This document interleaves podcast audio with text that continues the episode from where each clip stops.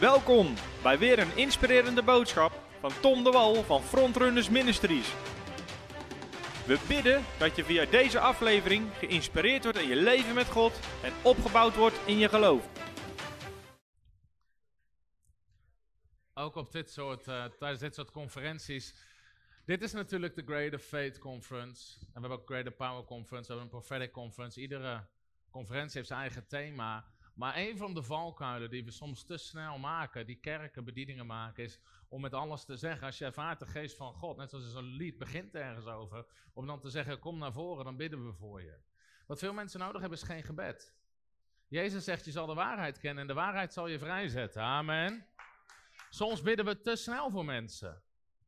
En zeker als, als andere voorgangers of mensen in bediening of überhaupt, weet je, als je zegt kom maar naar voren voor gebed, dan zie je soms iedereen zie je komen. En het, voor sommige dingen is het Bijbels om dan mensen te bedienen als het gaat om genezing en bevrijding. Maar je ziet allerlei dingen langskomen, die hoeven wij niet te doen, die moet jij doen. Amen. Hoeveel zijn blij dat we niet meer onder het Oude Testament leven? Alle mannen als eerst. En dan... En daarnaast, dat, je hebt geen priester meer tussen jou en God instaan. Amen. Jij kan rechtstreeks naar de Vader. Halleluja. En dat is zo ontzettend krachtig. Je zal de waarheid kennen. Zeg eens tegen je buurman of je buurvrouw. Je zal de waarheid kennen. En de waarheid zal je vrijzetten. Dus het eerste wat je nodig hebt is niet gebed, is niet bediening, is waarheid. Amen.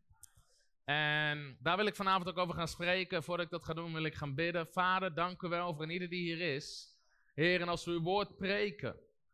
Heer, ik nodig de zalving van uw Heilige Geest uit, Heer, om het woord te pakken en diep in onze harten te leggen in de naam van de Heer Jezus Christus. Dat het woord wat ik vanavond saai, Heer, dat het honderdvoudig vrucht zal dragen.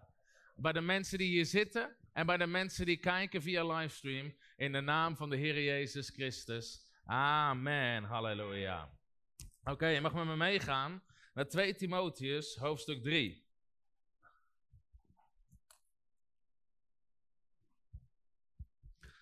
En we bidden over elke sessie ook wat we moeten delen. En een van de dingen die God op mijn hart legt, of het ding waar ik vanavond over wil spreken, is geef het woord van God de hoogste plaats, de hoogste autoriteit in je leven. En we zijn momenteel zijn we ook een faith school aan het doen. Hoeveel mensen hier volgen de faith school? Woe! De rest, als je hem niet volgt, mis je iets. Amen. Hij staat helemaal op YouTube. Hoeveel lessen hebben we, Marion, inmiddels? 12 of zo? Of 13 lessen inmiddels. Ongeveer anderhalf, twee uur per stuk. Dus laten we zeggen 20, 25 uur onderwijs alleen maar over het thema geloof. En je kan het niet vaak genoeg horen, amen. En vanavond wil ik een van die dingen pakken die ik daar gedeeld heb, maar daar nog wat dieper op ingaan, omdat het zo ontzettend belangrijk is. En eigenlijk, mijn leven is veranderd door het woord van God. Hoeveel kunnen zeggen dat je leven is veranderd door het woord van God? Amen. En voordat ik tot wedergeboorte gekomen was, voordat ik echt tot levend geloof gekomen was, toen volgde ik een alfa-cursus. Ik ben tot geloof gekomen via de Youth Alpha-cursus. Hoeveel mensen zien de zegen van alfa in, in Nederland op heel veel plekken? Wat weinig mensen weten is dat het onder andere uit de Toronto-beweging is voortgekomen. Dat is gewoon een grappig ding om even te droppen. Dan zijn sommige mensen helemaal in shock. Halleluja. Wie had bedacht dat de Heilige Geest iets goed kon verzinnen? Dat is ironie. Voor sommige mensen zitten hem aan te staren. Waar ben ik nou beland? Maar op een gegeven moment, dus ik was eigenlijk nog niet tot bekering gekomen. En ik zat daar, ik zat er omdat ik moest. En ik had een deal. Iemand roept ja, ja, ja. Ik zat er ook omdat ik moest. Nog iemand met een pistool in zijn nek. Johan, heb jij die vrouw bekeerd of niet? Dat was... Dit is Johan, Johan ga eens staan. Johan doet de hele conferentie mee met ons. Halleluja. Dat was Johans manier in zijn oude leven om mensen over te halen om iets te doen. Maar prijs God, hij is bekeerd. Halleluja. maar tijdens die Youth Alpha cursus, ik moest daar zitten. Mijn ouders wilden graag dat ik uh, categorisatie ging doen. Ik had er niet zoveel zin in, want het duurt net zo lang tot je een keer ja zegt. Maar ik was niet van plan om ja te zeggen. Zo zat ik in de wedstrijd. Dus op een gegeven moment hoorde ik van Alpha, Youth Alpha, en dat duurde tien avonden. Dus ik vroeg aan mijn ouders, zeg, mag ik daarheen, hoef ik daar niet heen? Ze zeiden, ja, dat is goed. Ze hadden toch wel door dat het geen zin had om het te dwingen. En ik had gewoon een rekensom gemaakt. Tien avonden, daarna zien ze me nooit meer terug in de kerk. Dat was mijn plan. Ik weet nog de allereerste avond dat ik daar kwam. Ik ging helemaal achter, ik kwam als allerlaatste binnen. Ik had er helemaal geen zin in. Maar er was iemand die was nog later dan mij en dat was een voorganger. En die zei tegen mij, Weet je dat God van je houdt en een plan heeft van je leven? Ik dacht, die gast is knettergek, man. Waar ben ik nou weer terechtgekomen? Maar goed, op een gegeven moment tijdens die alfa-cursus, op een gegeven moment ging... Ik weet niet, volgens mij ging het over het lijden van Jezus of de kruisiging. En toen ging het over het verhaal dat Jezus bloed zweette in Gethsemane. En ik zei gewoon, ik zeg, dat, daar klopt niks van. Daar heb ik nog nooit van gehoord, dat mensen bloed gaan zweten. Ik zeg, wat een onzin, wat een, wat een onzin is dit. Dus diegene die zei, nou weet je wat je doet? Ga het zelf uitzoeken of het kan. Dus prijs God voor Google. Ik thuis achter Google. Ik dacht, we kunnen of iemand zo bang maken en kijkt of hij bloed gaat zweten, of we zoeken het op op Google. Nou, we zochten het op op Google en ik kwam erachter dat kan. En toen ging er iets om in mij dat ik dacht, als dat waar is, is het hele woord van God waar.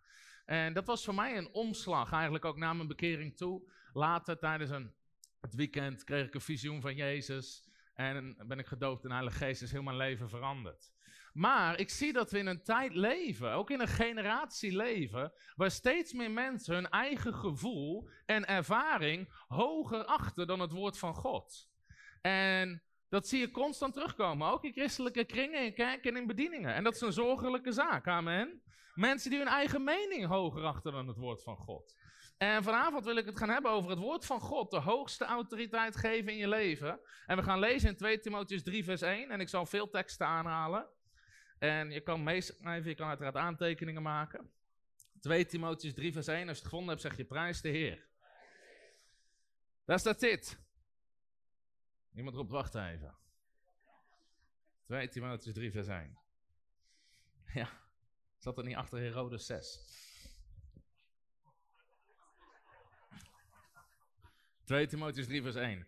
En weet dit, dat in de laatste dagen zware tijden zullen aanbreken. Want de mensen zullen liefhebbers zijn van zichzelf. Geldzuchtig, grootsprekers, hoogmoedigen, lasteraars, hun ouders ongehoorzaam, ondankbaar, onheilig, zonder natuurlijke liefde, onverzoenlijk, kwaadsprekers, uh, aanmatig, vreed, zonder liefde voor het goede, verraders, roekeloos, verwaand, meer liefhebbers van zingenot dan van God. Zij hebben een schijn van godsvrucht, maar hebben de krachten van verlogend. Keer u ook van hen af, want tot hen behoren zij die huizen binnensluipen en vrouwtjes in hun macht krijgen die met zonde beladen zijn en door allerlei begeerten gedreven worden. Die altijd leren, maar nooit tot de kennis van de waarheid komen. En op de wijze waarop Jannes en Jambres tegen Mozes ingingen, zo gaan zij ook tegen, deze, tegen de waarheid in. Het zijn mensen met een verdorven gezindheid en wat het geloof betreft verwerpelijk. Even tot zover. Nou, de Bijbel waarschuwt hier voor een tijd waarin mensen, en een van de eerste kenmerken is, liefhebbers zijn van zichzelf. En we hebben nog nooit in een tijd geleefd waar de egoïstische mens zo centraal staat als vandaag de dag. En mensen, hun gevoel, hun emotie, hun ervaring is de waarheid en alles draait om mij, om mij, om mij. En de hele waarheid, van biologie tot natuurkunde, alles moet aangepast worden op jouw gevoel en hoe jij je voelt. En de Bijbel spreekt over mensen die bovenal liefhebbers zijn van zichzelf, die zichzelf centraal hebben. Daarna spreekt het over hoogmoed. Hoogmoed is heel simpel jezelf hoger achten dan God.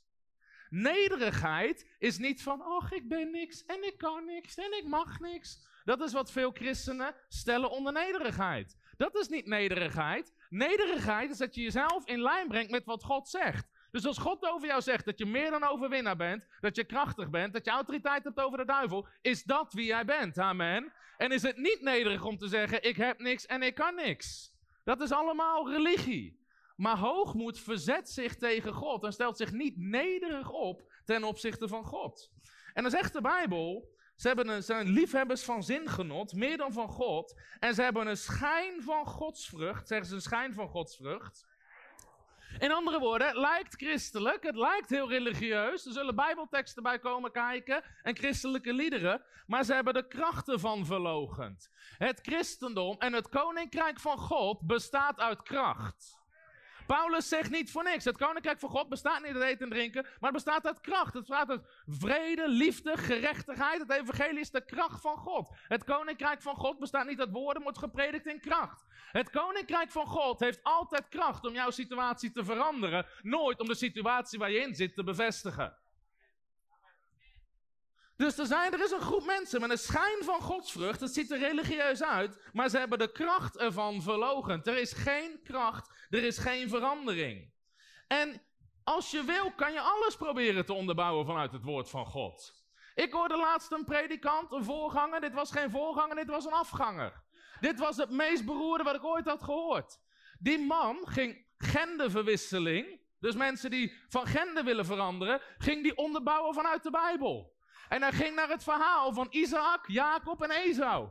En hij zei, ja, Jacob die had een gladde huid, dus was eigenlijk een vrouw in een mannenlichaam. En Esau had een harige huid. En dus dat was...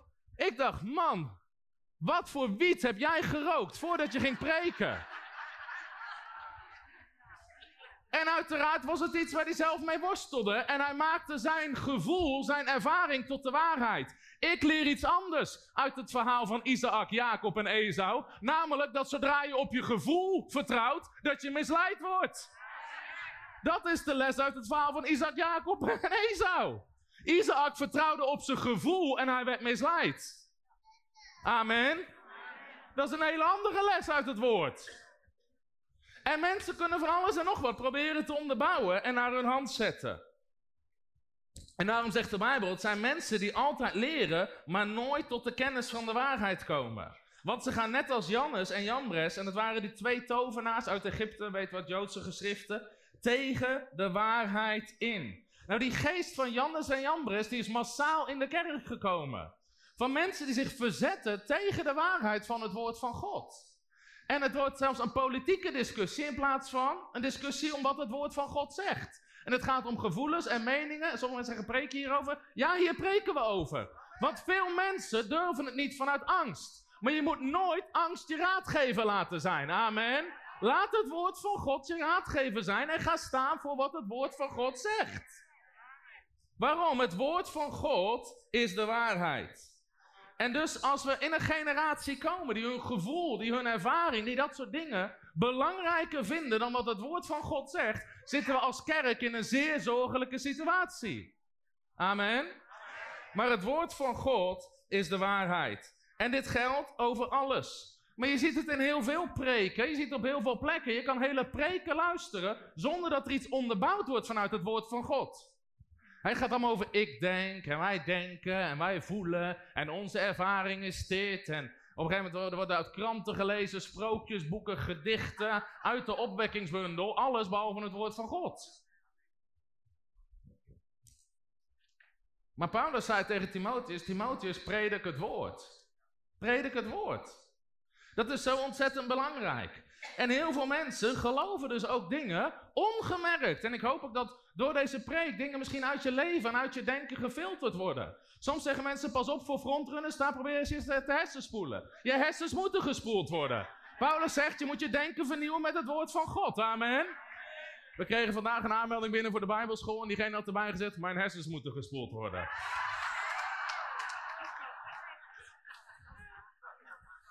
Nou, ik sprak laatst in een bepaalde context, in een interview over genezing. En dus mensen vragen, wat geloof je over genezing? Ik geloof wat de Bijbel zegt. Matthäus 10 vers 1. Dat geeft autoriteit over iedere ziekte, elke kwaal. Ik geloof Marcus 16 vers 17. Ze zullen handen leggen op zieken, zullen genezen. Ik geloof Jacobus 5 vers 17. Bid het gebed van geloof. Zalf met olie. De Heer zal hem oprichten. Tekst na tekst na tekst na tekst. En op een gegeven moment zei ze... Uh, ja, wij geloven, we hebben overlegd met een theoloog en uh, wij geloven dat we nu in een, uh, in een tussentijds leven. Het koninkrijk van God is er al een beetje, maar nog niet helemaal. Namelijk genezen nog niet iedereen. Dus ik zeg, ik heb net 30 Bijbelteksten genoemd. En dat schuif je nu aan de kant met één vage gedachte van een theoloog. En weet je wat religie doet? Wat je zegt klopt. We leven in die zin in een tussentijd. Alleen de Bijbel leert dat het koninkrijk van God is gekomen, is in u. En de Bijbel spreekt over een toekomstig koninkrijk. Het is er nu al en het zal er altijd zijn, want het is een eeuwig koninkrijk. En aan zijn heerschappij komt geen eind. Amen. En daarom moet je oppassen met misleiding. Sommige mensen, uh, pas op, ze geloven in Kingdom Now. Iedereen die iets met koninkrijk noemt, Kingdom Now. Ze weten niet eens wat het is. Uh, pas op voor frontrunners, geloof in New Age. Wat is New Age? Uh, ja, Mensen plakken gewoon willekeurig labels, schieten op hun eigen argument en geven zichzelf vervolgens gelijk. Sommigen denken zo beperkt, die kunnen met twee ogen door een sleutelgat kijken. Dat is ongeveer de breedte van hoe ze kunnen kijken. Maar mijn punt is, wat, wat je zegt kan kloppen, alleen je conclusie kan verkeerd zijn. Ja, we leven in een tussentijd, maar dat is nergens in de Bijbel een reden waarom er iemand niet geneest. En dat is link. Dus wat iemand zegt klopt, alleen de conclusie die je eraan verbindt klopt niet. En daarom is het zo belangrijk. Heeft Paulus erover dat we juist het woord van God onderscheiden. Amen. En er zijn hele, weet je wel, waarom grijpt God niet in? Dat is niet de vraag. Waarom grijpt de kerk niet in? De kerk moet gaan staan in zijn autoriteit. Jezus kwam nooit in de situatie, waarom grijpt God niet in? De apostelen kwamen nooit in de situatie, waarom grijpt God niet in? Als het nodig was, greep Jezus in. God geeft ons autoriteit en heel veel mensen proberen het terug te leggen bij God. Ga eens naar Matthäus 10, vers 1.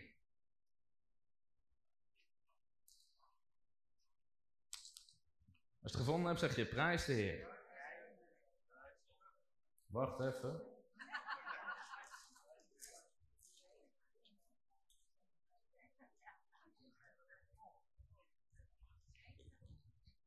Matthäus 10, vers 1. Daar staat dit. Hij riep zijn twaalf discipelen bij zich en gaf hun macht. Een andere woorden, autoriteit. Wie gaf die autoriteit? Zijn discipelen. Sommigen zeggen, ja, dit is alleen de twaalf. Ja, maar in Matthäus 28 zei Jezus tegen ze, ga heen en leer de volken alles wat ik jullie heb geleerd. Valt dit onder alles? Dus dit geldt ook voor ons als discipelen. Hij gaf hun autoriteit over de onreine geest om die uit te drijven en om iedere ziekte en elke kwaal te genezen. Jezus geeft zijn volgelingen de autoriteit over iedere ziekte en elke kwaal. Wie, bij wie ligt die autoriteit? Bij God of bij zijn volgelingen? Bij, bij ons. Jezus gaf het aan ons.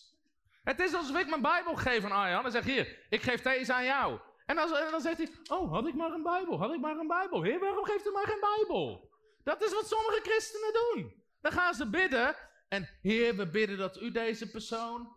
Nee, God zei: Jij hebt autoriteit over iedere ziekte en elke kwaal. Nou, ik denk dat we het erover eens kunnen zijn dat er maar ontzettend weinig kerken zijn die in deze waarheden wandelen. Sterker nog, ze durven niet eens te prediken. En vervolgens zit ze ook nog, waarom gebeuren er geen wonderen? Vind je het gek? Als de kerk radicaler zou worden, zouden er meer wonderen gebeuren.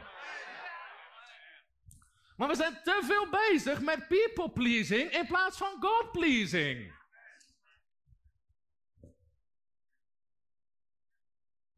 Ik sprak ooit, ik moest iemand vertalen, zijn bediening heeft in Amerika gigantisch, iets, iets meer dan 300 mensen uit de dood opgewekt op het zendingsveld. Gigantische, gigantische krachtbediening. En ik had het met, met die persoon daarover, gigantisch veel wonderen. En hij vertelde op een gegeven moment een verhaal over waarom het niet in de westerse kerk werkt. En hij zei, nou, ik moest ooit voorganger.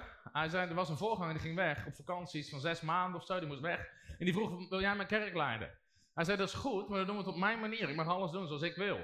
Dus de volgende is goed, ga je gang. Dus de eerste dienst, hij zat zich te verveilen tijdens de worship. Er was geen zalving, er was niks. Dus hij stapte op het podium op, pakte een stoel, ging zitten en zegt iedereen zitten.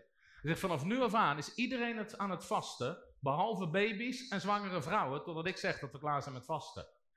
En hij begon gewoon het woord van God te onderwijzen, over kracht, over geloof, over autoriteit. Hij zegt, en iedereen is aan het vasten. Binnen 30 dagen was de eerste persoon in de kerk uit de dood opgewekt die overleed.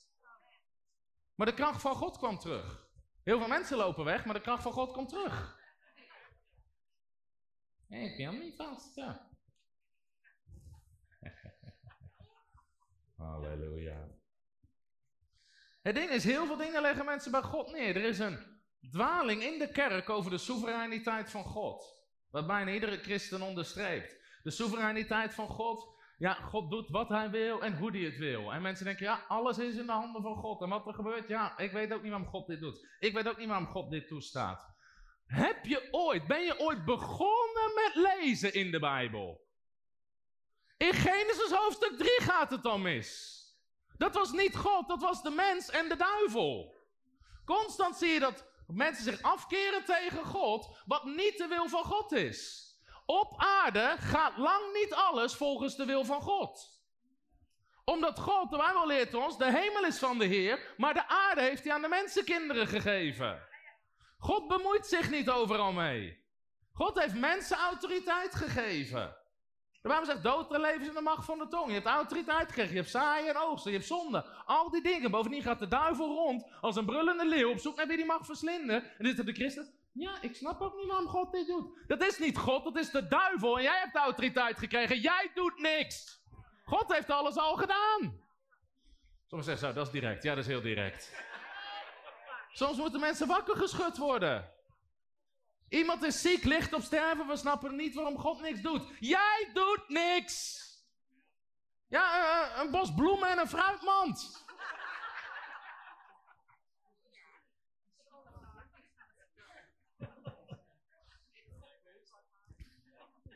Het ding is, we moeten het woord van God weer centraal stellen.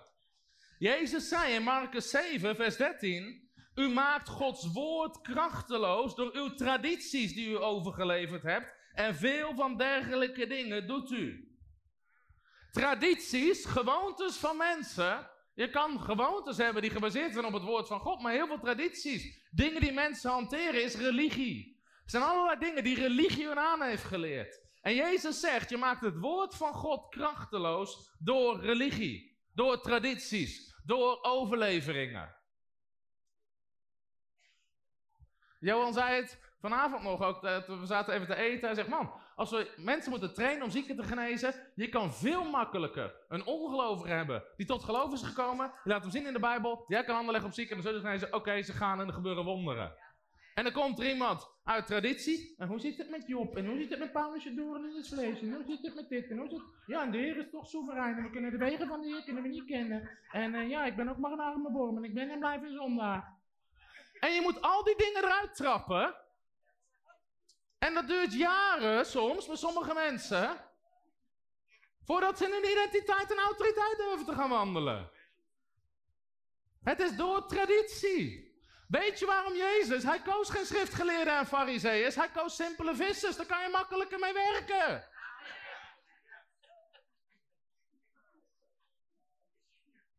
Amen. Prijs God voor gewone mensen. Met een buitengewone God. Amen. Er zijn allerlei tradities. Ik sprak een keer op een bijbelschool. En ik, ik begon daar gewoon te spreken over geloven. Die, een van die studenten, ik, zou de naam kunnen noemen, ga ik niet doen. Een landelijk bekende bijbelschool. Een van de studenten steekt zijn hand op. Uh, meneer, ons is geleerd dat je nooit iets over geloof mag zeggen tegen mensen, want dan uh, kunnen ze aanstoot aannemen. Is het maar goed dat Jezus nooit naar deze Bijbelschool is geweest? Jezus begon tegen iedereen over zijn geloof. Jouw geloof heeft je genezen. Geloof je dat ik het kan doen? Alle dingen zijn mogelijk voor wie gelooft. Jezus begon bij iedereen over geloof. En omdat we bang zijn voor wat mensen vinden, wordt op bijbelscholen wordt geleerd dat je daar niks over mag zeggen.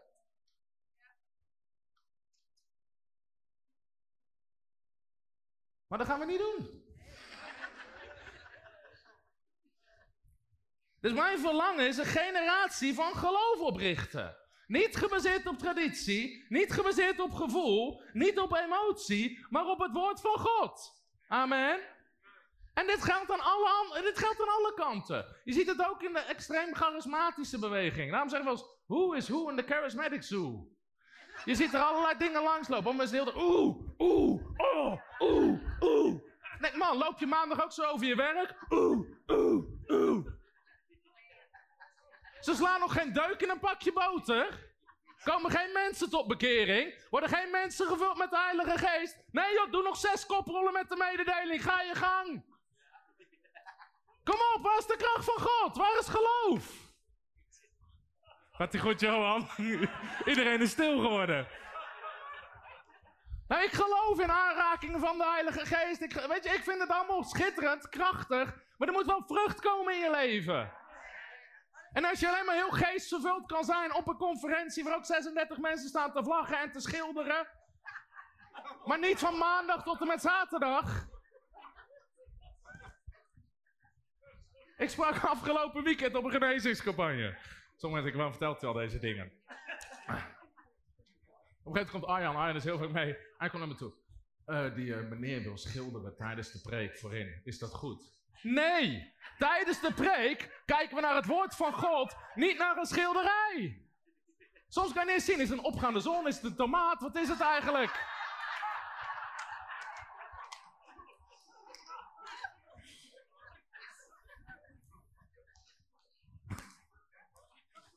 Dat is ook weer mooi als een profetisch beeld, kan je alle kanten op interpreteren.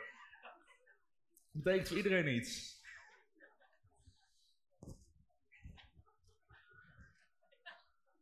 Maar dat is gevaarlijk. Dus mensen zeggen, ik moet de zalving voelen. Nee. Je bent gezalfd. Je hebt de Heilige Geest van God. Je hebt autoriteit over zieken. En prijs God als je wat voelt en prijs God als je niks voelt. Want je gaat niet op gevoel, amen. We zijn gelovigen, geen gevoeligen. Sommige van de grootste wonderen heb ik ge, gezien toen ik helemaal niks voelde. Want we gaan niet op gevoel. Dus het woord van God is de waarheid. We hebben een generatie nodig vol van geloof.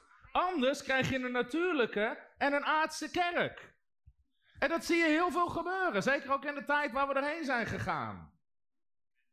We hebben geloof nodig. Dat je gelooft wat het woord van God zegt. Een ander probleem in de kerk is dat we teksten voorlezen, liederen zingen, proclameren, maar mensen geloven er niks van. Heel Nederland zingt Jezus overwinnaar, halleluja, naam boven alle namen. Wat Johan gisteren zei, weet je, I'm no longer a slave to fear. Al die nummers zijn in, corona komt, huppakee, luier op je mond. I'm no longer a slave.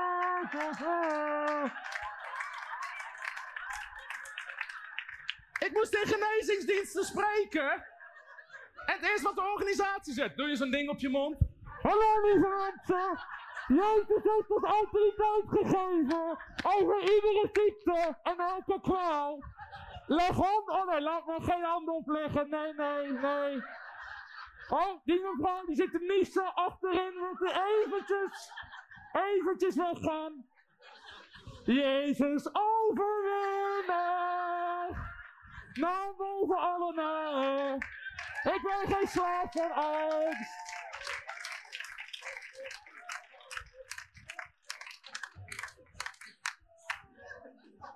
Sommige van in 20 jaar een kerk te bouwen. Kom naar de kerk, kom naar de kerk. Kom naar... Blijf thuis, blijf thuis!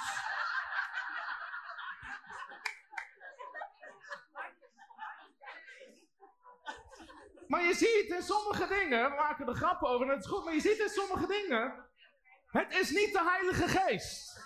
De Heilige Geest zegt niet: doe de deur van de kerk dicht. De Heilige Geest zegt dat jij zijn gemeente bouwt en de poorten van de hel zullen haar niet overweldigen. Halleluja.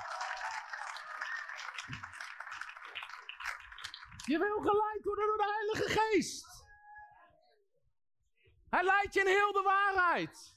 Want toen corona begon, ik ging gewoon kijken wat sommige mensen prediken. Ik zag een voorganger begon zijn preek. Uh, ja, we zitten nu in een coronacrisis. Ik heb in het Chinees opgezocht en crisis betekent ook kans. Je hebt in het Chinees opgezocht. De Heilige Geest inspireert jou voor je preek om in het Chinees op te zoeken dat crisis ook kan. Het is maar beter dat je die deur dicht doet. Kom op, dat is niet de Heilige Geest die dat soort dingen spreekt. Hij. De Heilige Geest getuigt van de waarheid. Het woord is de waarheid. In plaats van dat voorgangers opstaan en zeggen: Heel het land wordt geteisterd door ziekte. Maar ga met me mee naar Matthäus 10, vers 1. We hebben autoriteit over iedere ziekte, elke kwaal. We gaan handen leggen op zieken, ze zullen genezen. Nee, nee, nee, nee, nee. Uh, ja, we hebben een dokter in de kerk en uh, die adviseert ook. Jezus Christus heeft het beste advies. En in plaats van de kans te nemen om mensen te onderwijzen, zitten we met z'n allen thuis.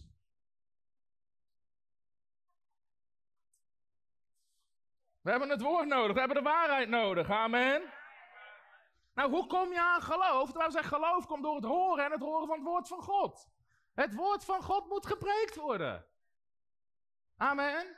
We willen mensen koppelen aan het woord. Ik heb het al vaker verteld, maar toen ik mijn eerste boek uit ging brengen, eerst, eerst zochten we een uitgever. En ze die het manuscript door. En zeiden, nee, hier staan te veel bijbelteksten in, willen mensen niet lezen, alsjeblieft. En zo moet ik dan schrijven. Gewoon een mooi verhaal. En uh, je levensverhaal en een mooi voorbeeld. Zeg maar, het moet niet om mijn leven gaan, het moet gewoon, wat zegt het woord? Nee, hierin is niemand geïnteresseerd. Inmiddels zijn we 500.000 boeken verder. Halleluja. Waarom? Er is een generatie wel geïnteresseerd in het woord van God. Amen. Het woord is de waarheid.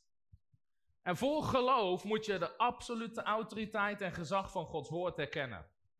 Jezus zei in Johannes 17, vers 17: Heilig hen door uw waarheid. Uw woord is de waarheid.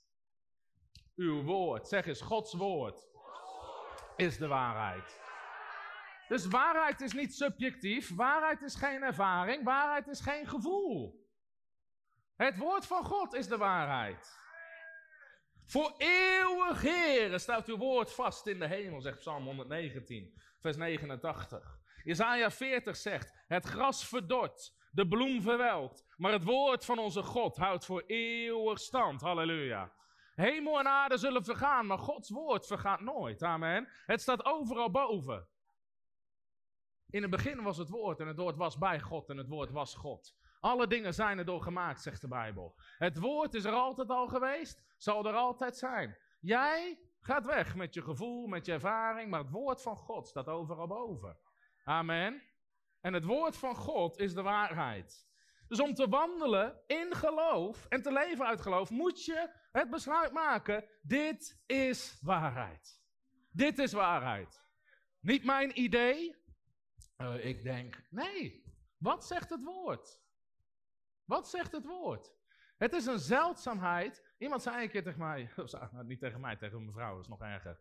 Uh, ja, uh, ja, ik vind onze preken toch wel moeilijk, want hij zegt dat het gewoon zo is het, in plaats van ik denk. Omdat ik mijn preek baseer op het woord van God. Als ik nog moet zeggen, ik denk, is het nog niet de tijd om te preken, want je bent geroepen om de waarheid te preken en niet jouw mening of jouw idee. Amen. Dus niet je eigen idee, niet je traditie, niet je gevoel, niet wat je ogen zien, wat je oren horen. Ook niet jouw persoonlijke ervaring. Jouw ervaring kan tegen Gods woord ingaan.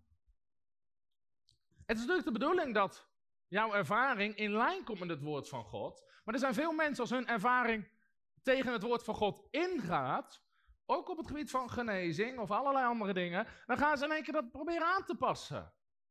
Ook geestelijke ervaringen. Weet je, er kwam een keer iemand die zei, ja, nee, de Heer heeft mij echt laten zien dat ik me niet hoef te laten dopen. Dat was niet de Heer. Paulus zei, al kwam er een engel uit de hemel die een andere evangelie predikt, hij zei vervloekt. Stop met dat soort dingen de Heer noemen. Je wil je gewoon niet laten dopen. En ik zou het maar doen, want Marcus 16 zegt, hij zei die gelooft en gedoopt zullen zijn, zullen gered zijn. Dan kan je niet zeggen, jawel, staat erin, ga zelf maar kijken, amen. En dat is nog steeds, zeg maar, uh, Tom de Wal zegt, Jezus zegt. Jezus zegt. Ik zeg laatste keer in zo'n artikel. Uh, Tom de Wal zegt dat we dezelfde werken zullen doen als Jezus en nog grotere. Ik terug naar mijn Bijbel. Jezus zegt. Dit is de HSV, niet de TDW.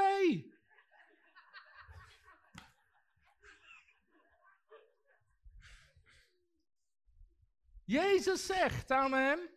Jezus zegt. Dus Gods woord is de absolute waarheid. God zegt het, ik geloof het en daarmee is het waar. Wat ik ook zeg, voel of denk, maakt niet uit. God zegt het. God spreekt en het is zo, zegt de Bijbel. Dus God zelf erkent die autoriteit aan zijn woord. Hij spreekt en het is er. Hij gebiedt en het staat er. Psalm 33, vers 9. Dus het woord van God is de waarheid. Zeg nog eens. Het woord van God is de waarheid. Dus wat je ook moet vestigen in je leven is: God gaat nooit tegen zijn woord in. God gaat nooit tegen zijn woord in. In Psalmen staat in 138, de Nederlandse vertaling zegt: Om heel uw naam hebt u uw belofte groot gemaakt. Maar de Engelse vertaling zegt: God heeft zijn woord verheven boven zijn naam. In andere woorden, Gods hele wezen, wie God is, hoe God is, hij heeft zijn woord verheven boven zijn naam. God is soeverein, maar in zijn soevereiniteit heeft God ervoor gekozen om zichzelf te verbinden aan zijn woord. En dat noemen we een verbond. God is een verbond aangegaan. En ik weet niet met wat jij gelooft, maar mijn God is geen God die zijn verbond breekt. Soms zegt men, ja, God zegt dat wel in zijn woord, maar uh, weet je wat je eigenlijk zegt? Dat God een leugenaar is. Dat God zijn verbond breekt. Maar God verbreekt zijn verbond nooit. Nooit. God heeft zijn naam boven zijn. Of God heeft zijn woord verheven boven zijn naam. In nummer 23, vers 19. Deze mag je even opzoeken. Nummer 23, vers 19.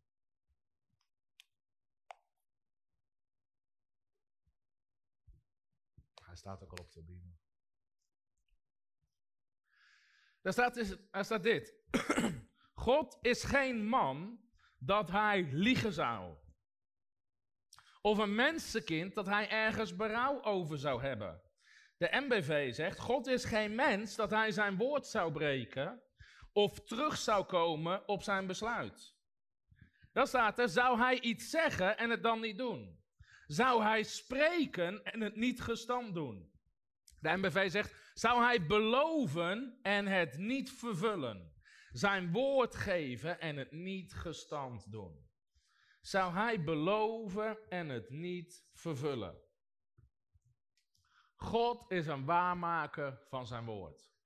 En God gaat nooit tegen zijn woord in. Er is één ding wat God niet kan en dat is liegen. Meerdere keren zegt de Bijbel, de God die niet liegen kan. God kan niet liegen. En God zal nooit tegen zijn woord ingaan. Een tijd terug, lange tijd terug, sprak een voorganger.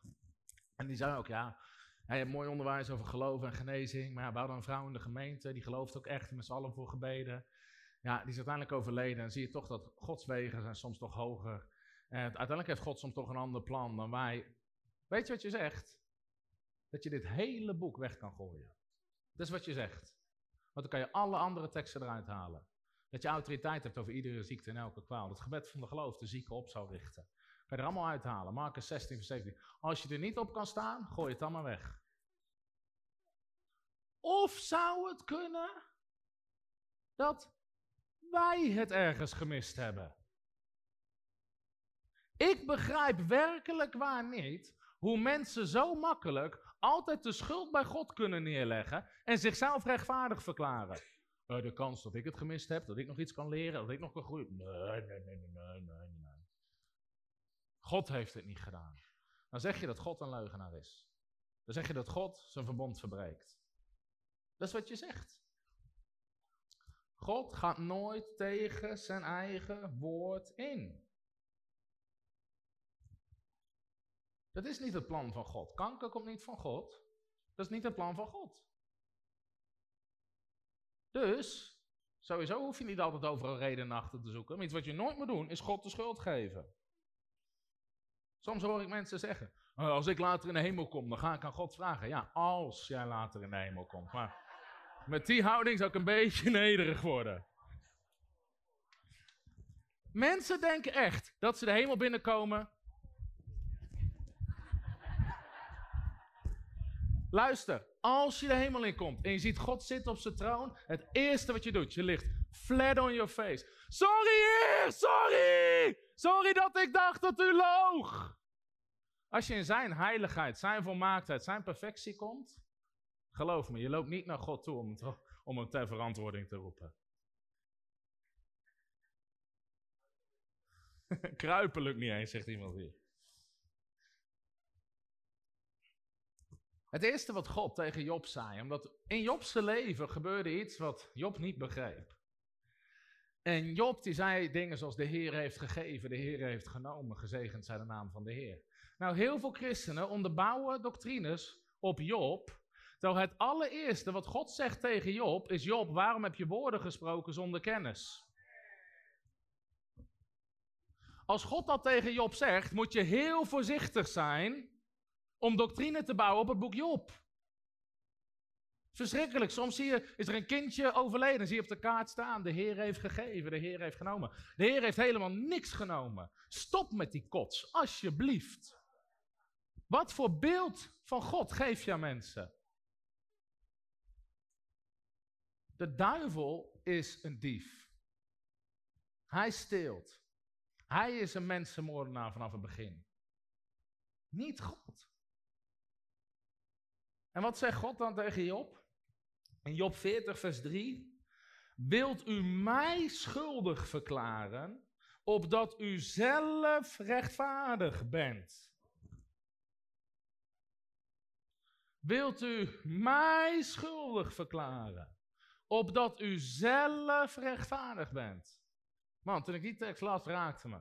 dacht ik, man, hoe vaak gebeurt dit niet? Mensen geven God ergens de schuld van en daarmee verklaren ze zichzelf rechtvaardig.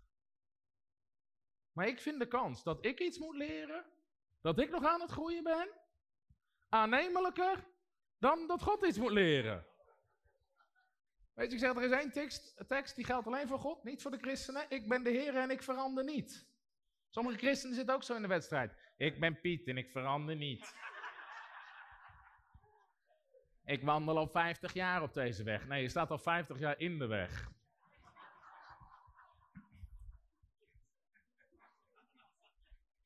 God is degene die niet verandert.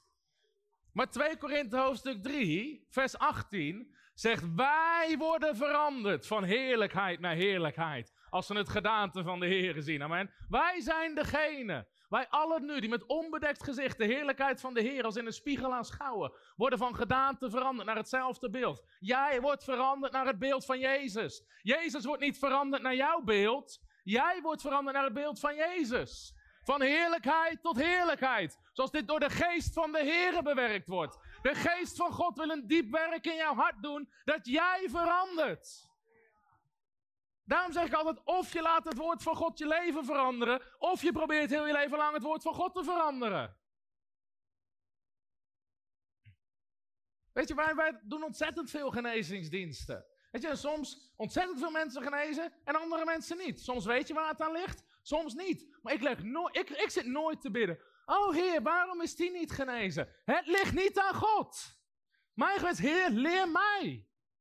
Geef me meer inzicht, geef me openbaring, help me groeien in geloof, leid me in de gaven van de geest. Ik wil groeien.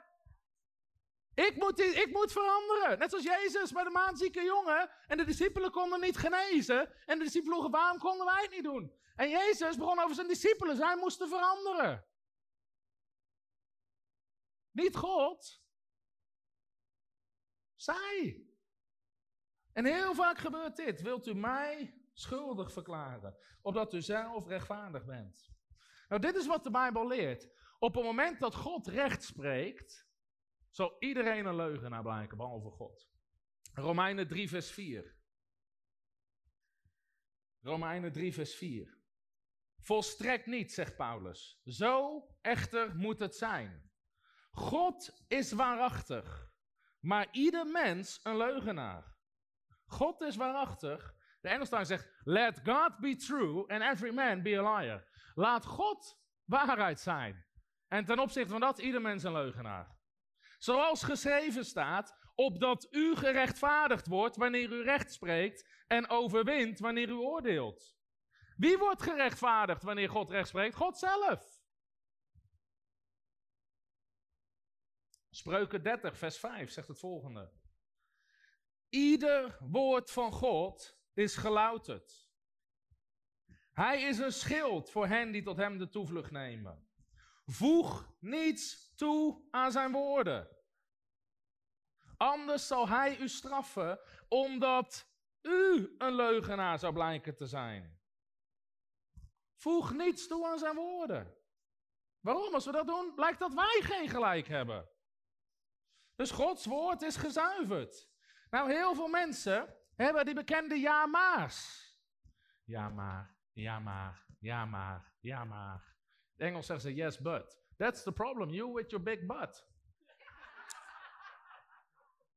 Ja maar, ja maar is hetzelfde als nee want.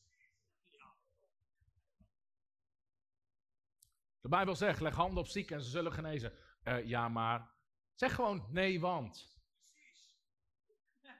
Dan weten we waar we aan toe zijn. Ja, maar is hetzelfde als nee, want. Uh, ja, maar ik heb een tante. Dat staat er niet achter. jouw tante. Dus we gaan allemaal, gaan we ook door situaties heen. Ook wij hebben geliefden verloren aan ziekte. Ondanks dat we op dat moment alles deden wat we dachten dat we konden doen, moesten doen, zoals we het zouden moeten doen. En toch zie je in, in die situatie zie je het dan niet gebeuren. Maar nooit komt in mijn hart, God heeft het niet gedaan. Nooit. En nogmaals, soms kijk je jaren later terug op bepaalde situaties en denk je, oh wacht, ik, ik heb het een en ander geleerd. En soms als je van een afstandje kan kijken, denk je, oh wacht, wat, weet je, dit was inderdaad niet zoals het werkt of wat dan ook. Maar wij zijn aan het leren, amen. Wij zijn aan het leren. En soms weet je het niet. Maar dat verandert niks aan het woord van God. De Bijbel zegt, de geopenbaarde dingen zijn voor de mensenkinderen, de verborgen dingen zijn voor de Heer. Als je het niet weet, laat het liggen bij de Heer, maar verander niks aan het woord, ga gewoon door. De Bijbel zegt, de Bijbel zegt, de Bijbel zegt. Predik wat de Bijbel zegt, geloof wat de Bijbel zegt. Dus mensen die het gezag van Gods woord aanvaarden en het geloven, dat zijn degenen die de beloftes uit Gods woord gaan ontvangen. De Bijbel in gewone taal zegt in nummer 23 vers 19, God doet wat hij belooft. God komt zijn belofte altijd na. Zijn er mensen die gezegend worden door deze boodschap? Oké. Sommige mensen niet, die zijn helemaal in shock.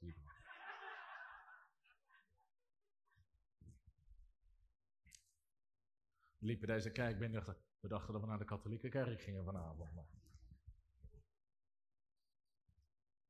Jeremia 1 vers 12. Mag je even opzoeken. Jeremia 1 vers 12, misschien hem ook op de beamer. Mag even vers 11, laten we eens vers 11 doen. In vers 11, daar zegt God, het woord van de Heere kwam tot mij, zegt God tegen Jeremia. Wat ziet u, Jeremia? Jeremia zei, ik zie een amandeltak. Nou, een amandeltak, wanneer het weer lente wordt, de amandeltak is het eerste wat ontspringt. Is het eerste wat naar buiten komt. Dan zegt God dit in vers 12. Toen zei de Heere tegen mij, dat hebt u goed gezien, want ik waak over mijn woord om dat te doen. God waakt over zijn woord om het te doen. Zeg eens, God waakt over zijn woord om dat te doen. Is dat niet krachtig? God waakt. Alsof God in de hemel gewoon zit te waken. En zodra mensen het woord van God gaan doen en het geloven, boem. God waakt over zijn woord om dat te doen. In Jesaja 55, vers 11. Prijs God voor een beamer, dan is het iets sneller. Daar staat dit. Zo zal mijn woord zijn, zegt God. Dat uit mijn mond uitgaat. Het zal niet vruchteloos tot mij terugkeren, maar het zal doen wat mij behaagt en het zal voorspoedig zijn. In andere woorden, het zal succesvol zijn. Het zal doen in hetgeen waartoe ik het uitzend. Gods woord doet altijd wat het moet doen. God waakt over zijn woord om dat te doen. God is een waarmaker van zijn woord. God heeft zijn woord verheven boven zijn naam. Dus wat we nodig hebben, is dat er weer meer respect komt, ook in kerken onder christenen, voor het woord van God. Dat discussies niet gaan over gevoel en ervaring en traditie, maar over het woord van God. Wat zegt Gods woord? God is een verbondhoudende God. Psalm 89, vers 35. Daar zegt God: Ik zal mijn verbond niet ontheiligen. En wat over mijn lippen is gekomen, niet veranderen. Ik zal mijn verbond niet ontheiligen. Wat over mijn lippen is gekomen, niet veranderen. Psalm 105, vers 8. Hij denkt aan zijn woord, aan zijn verbond voor eeuwig aan de belofte die hij heeft gedaan tot in duizend generaties. Hij denkt aan zijn verbond voor eeuwig. Aan de belofte die hij heeft gedaan tot in duizend generaties. en aan het verbond dat hij met Abraham gesloten heeft en zijn eed aan Isaac. Christenen moeten weer hun verbondsrechten gaan begrijpen. Veel dingen die we beloftes noemen, de reden dat het een belofte is, is omdat het onderdeel is van het verbond. En veel mensen snappen het concept verbond niet meer. In het Oude Testament en ook het Nieuwe Testament, een verbond werd altijd met bloed gesloten. En met eigenlijk wat je zei, is als ik, als ik het verbond verbreek, kost het me mijn leven. Dat is wat je zei met een verbond. En God houdt zich altijd aan zijn verbond. Wij leven onder een nieuw verbond. Hebreeën 8, vers 6 zegt, het is zelfs een beter verbond. Met betere beloftes vastgelegd dan het oude verbond. En onder dat nieuwe verbond heeft God allerlei beloftes. Maar een verbond heeft twee kanten, heeft twee partijen. Gods beloftes, er zijn altijd voorwaarden, er zijn principes. Ik denk dat ik daar zondagavond verder over ga spreken. Maar elke belofte van God, de zegt is ja en amen. Dus God houdt altijd zijn kant van het verbond. Hij denkt aan zijn verbond voor eeuwig, aan de belofte die hij gedaan heeft tot in duizend generaties. En sommige misschien van de dingen die ik vertel zijn misschien wat shocking, maar dat is goed. En het is niet om mensen te veroordelen, dat is nooit het doel, maar omdat ik gewoon denk dat we hier gewoon een stuk in kunnen groeien. Weet je, ik vertel dit verhaal wel vaker, maar als je vraagt, dat je, geloof in het woord? Zegt iedereen ja, amen. Zeg gewoon, we geloven in het woord. Ik vertel wel vaker het verhaal van die Afrikaanse man die tot bekering kwam. In de binnenlanden van Afrika. En ik ben zelf ook op plekken geweest in Albanië, in de bergen, waar mensen geen bijbels hebben. Dus een bijbel wordt dan verscheurd en iedereen krijgt een bladzijde. Dus de laatste keer dat we in Albanië waren, kochten we 1500 bijbels om uit te delen in dat soort gebieden, waar mensen alleen maar een bladzijde hebben. En ook in Afrika, waar die man tot bekering kwam, een inheemse Afrikaanse man uit dat gebied, kwam tot bekering en hij kreeg één bladzijde van een Bijbel. En hij kreeg een bladzijde uit Handelingen, het verhaal van Filippus, even gelist. Het enige wat hij had. En op een gegeven moment, jaren later, sprak een Amerikaanse, een westerse zendeling, sprak die man, die vroeg, hoe gaat het? En dan zei, ja goed, ik ben net daar geweest in die stad, gepredikt, opwekking, mensen kwamen tot geloof, zieken genazen, toen was ik daar, toen was ik daar. Toen Dus die man begint te stellen waar hij allemaal was. En die Amerikaanse zendeling beseft, deze man heeft geen auto, heeft geen fiets, heeft helemaal niks. Hij vraagt, uh, was je daar en daar? Hoe kwam je daar dan? En die man zegt, gewoon zoals de Bijbel zegt. Hij had alleen het verhaal van Filippus, die in de geest verplaatste naar een andere plaats en daar het evangelie predikte. Die man had maar één bladzijde van de Bijbel, maar hij geloofde ieder woord. Wij hebben een heel boek, maar hoeveel geloven we echt?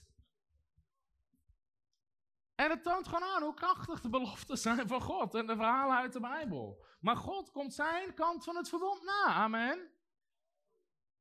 God, daarom moet je weten wat, wat onderdeel is van het verbond. We gaan even een aantal teksten lezen over het feit dat God zijn woord vervult. Zeg eens, God vervult zijn woord. We gaan even een beetje chronologisch. We gaan beginnen in Deuteronomium 9, vers 5. Je kan ook op de beamer meelezen als je wil. Deuteronomium 9, vers 5. Niet vanwege uw gerechtigheid of vanwege de oprechtheid van uw hart komt u hun land in om in bezit te nemen. Maar vanwege de goddeloosheid van deze volken verdrijft de Heer uw God hen van voor ogen uit hun bezit. Om het woord gestand te doen dat de Heer uw God, uw vader Abraham, Isaac en Jacob gezworen heeft. God zegt, ik heb, Abraham, Isaac en Jacob iets gezworen en ik zal dat woord gestand doen. Jozua 21, vers 45. Jozua 21, vers 45. Van al de goede woorden, zeg eens van al de goede woorden, die de Heere tot het huis van Israël gesproken had, is er niet één woord onvervuld gebleven. Alles is uitgekomen. Jozua 23, vers 14. En zie, ik ga heden weg van heel de aarde, zegt Jozua. En u weet met heel uw hart en met heel uw ziel dat er geen enkel woord van al de goede woorden die de Heer uw God over u uitgesproken heeft, onvervuld gebleven is. Alles is uitgekomen voor u. Geen enkel woord ervan is onvervuld gebleven. Halleluja. Dit zijn krachtige teksten. Geen enkel woord. Zeg eens geen enkel woord. Van al de goede woorden die de Heere over mij heeft uitgesproken, zal onvervuld blijven. Alles zal uitkomen. Geen enkel woord ervan zal onvervuld blijven. Halleluja, dit zijn krachtige teksten, amen. Geen enkel woord. 1 Koningen 8, vers 56. Daar staat, geloofd, zij de Heere, die zijn volk Israël rust heeft gegeven. Overeenkomstig alles wat hij gesproken heeft. Niet één woord is onvervuld gebleven van al zijn goede woorden die hij gesproken heeft door de dienst van Mozes, zijn dienaar. Als je denkt dat God de woorden van Mozes al eerde, door er niks van onvervuld te laten, hoeveel te meer eert God de woorden van Jezus Christus, hij zelf, zijn eigen zoon. Amen. God is in the business of fulfilling his woord. God vervult zijn woord. Amen. God vervult het woord. God komt altijd zijn kant na. Als je Matthäus leest, we gaan niet heel Matthäus lezen, maar in Matthäus staat hoofdstuk na hoofdstuk. Op dat vervuld werd. Gaan ze even mee. Matthäus 1, vers 22. We gaan even een aantal teksten lezen. Matthäus 1, vers 22. Dit alles is geschied, op dat vervuld werd wat door de Heer gesproken is, door de profeet, toen hij zei, zie een maagd zal zwanger worden en een zoon baren. Matthäus 2, vers 15. En hij bleef daar tot de dood van Herodes. Op dat vervuld werd wat door de Heer gesproken is, door de profeet. Uit Egypte heb ik mijn zoon geroepen.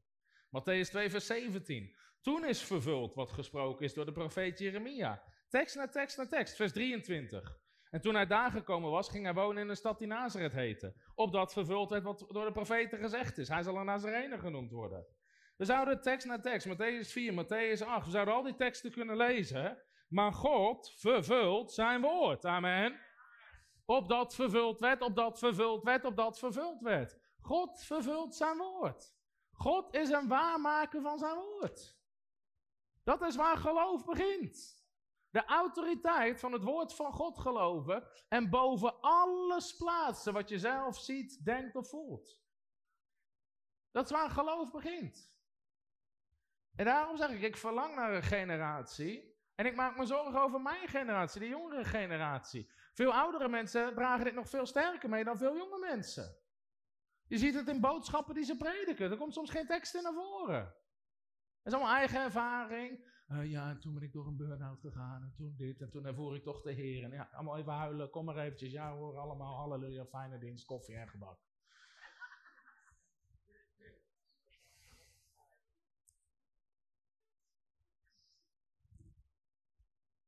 Allemaal ervaring, allemaal ervaring. Hoe, en het is mooi hoe, God, hoe je God daarin ervaren hebt. Maar Paulus zegt niet tegen Timotheus, predik je verhaal, predik je ervaring. Timotheus, predik het woord. Daarom gaan we ook die Fulltime Revival and Ministry School starten. Voor een nieuwe generatie bedieningen die het woord zullen prediken. En die we gaan leren prediken. Predik het woord. Niemand zit te wachten op jouw ervaring. Want dat is jouw ervaring. Maar het woord van God geldt voor iedereen. Amen.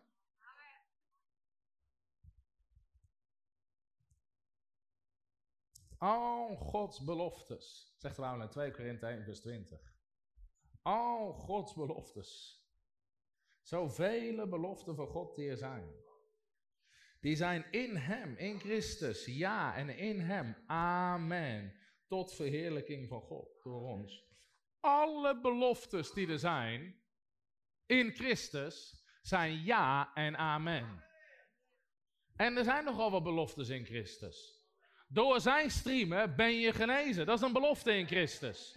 God zal voorzien in alles wat je nodig hebt, overeenkomstig zijn rijkdom in eerlijkheid in Christus Jezus. Dat is een belofte in Christus. Je bent bevrijd van de vloek van de wet en je hebt dezelfde zegen ontvangen als Abraham. Dat is een belofte in Christus.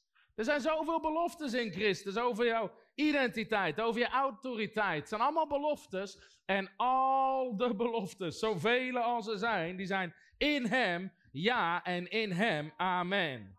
God zegt nooit nee. Halleluja. Daar wil ik zondagavond verder over gaan. God zegt nooit nee. Hoeveel mensen geloven dat het belangrijk is dat we hier ons denken vernieuwen? Dus zodra mensen beginnen, uh, God had toch een ander plan? Nee. God had geen ander plan. Geen ander plan dan in zijn woord staat. Er is geen ander plan. Net zoals, en ik, heb, ik haal het in al mijn boeken onderuit en ik blijf het doen.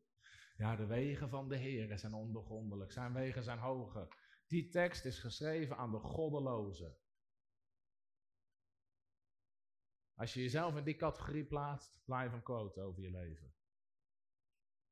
Want God zegt, laat de goddeloze zijn weg verlaten. De man van ongerechtigheid zich bekeren van zijn wegen. Want mijn gedachten zijn hoger dan uw gedachten. Tegen wie zegt God dat? Tegen de goddeloze, tegen de man van ongerechtigheid.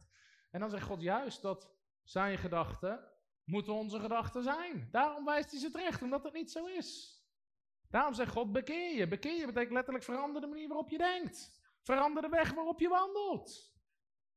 Het Nieuwe Testament zegt, we have the mind of Christ. We hebben het denken van Christus. Dus stop met, je kan nooit de weg van de Heer vinden. Paulus zegt, wees niet onverstandig, maar begrijp de wil van de Heer.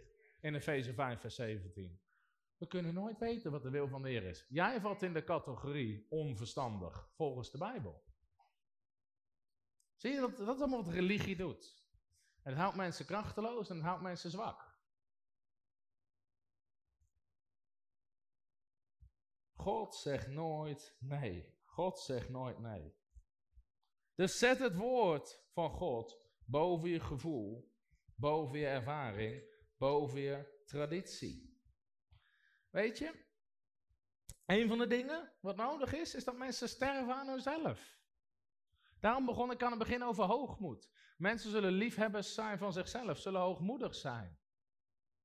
Zodra je zegt, iets gebeurt niet, het kan aan je geloof liggen. Ons geleerd dat hij niks mag zeggen over geloof. Nou, Jezus leerde zijn discipelen iets anders. Jezus zei direct tegen zijn discipelen, vanwege jullie ongeloof. Ik zeg vaak, als de discipelen van Jezus in de hedendaagse kerk hadden gezeten, hadden ze diezelfde dag nog met z'n twaalfde bij pastoraat gezeten. En toen zei Jezus dat het aan mijn ongeloof lag. En ik stapte al uit in geloof. En ik deed het al. En iedereen stond te kijken. En zegt bij iedereen. Ik ga uit de kerk. Maar weet je wat het probleem is? Ik hoorde ooit een oude prediker zeggen. Weet je wat het is? Jij moet dood. Sterf aan jezelf. Aan je eigen reputatie. Aan je waardigheid. Aan je egoïsme. Man, ik heb handen op zieken gelegd die niet genazen vanwege mijn ongeloof. Omdat ik simpelweg niet kon geloven dat op dat moment voor mijn ogen zou gebeuren. So what? Sterf aan jezelf. Sterf aan jezelf. Deal with it. Waarom zou het niet aan jou kunnen liggen? Als je dat niet kan hebben, ben je nog niet gestorven aan jezelf. Zit je vast aan je eigen reputatie. Ik heb liever dat mensen zeggen, het lag aan Tom de Wal, dan dat ze zeggen, het lag aan Jezus Christus. Maar met die eerste kan ik dealen, maar met die tweede niet. Dan maak je me boos. Maar niet uit wat je zegt over mij, maar kom niet aan mijn, aan mijn Heer en Heiland. Amen. Kom niet aan me verlossen. Hij is perfect, hij is volmaakt. Maar sterf aan jezelf. En daarom heb je die mix nodig van genade en geloof. Want er is geen veroordeling voor hen die in Christus Jezus zijn. Dus God veroordeelt je niet. Dus je hoeft jezelf ook niet te veroordelen. Dus je kan gewoon groeien en leren. Maar mensen die niet gestorven zijn aan zichzelf, die zitten allemaal bij pastoraat. grapje, grapje, grapje. Oh man, man, man.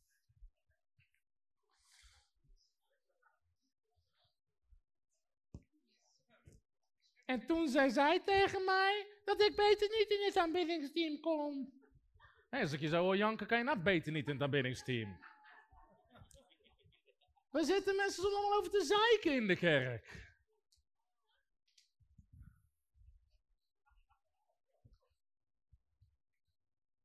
En voorgangers zitten allemaal vuurtjes te blussen. En die heeft iets met die en die dat en dit zus en toen zei die dat en in dat team is dit gezegd. En daar. In plaats van dat ze zielen winsten, mensen dopen in water, zieken genezen, het allemaal interne vuurtjes te blussen, omdat er een kerk niet gestorven is aan zichzelf.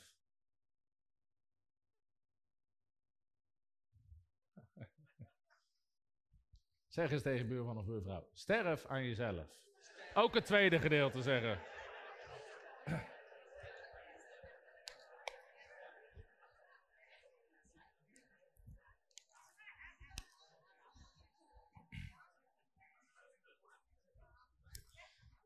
Weet je, ik, ik ken zoveel predikers, voorgangers die gestopt zijn met het prediken van genezing omdat iemand gestorven is. Heb je er nooit in geloofd? Want je geloof is niet gebaseerd op ervaring of gevoel. Je hoort de raarste dingen. Weet je, dan geeft iemand aan een probleem. En de, weet je, ja, ik worstel hier en hier. Volg gewoon je hart.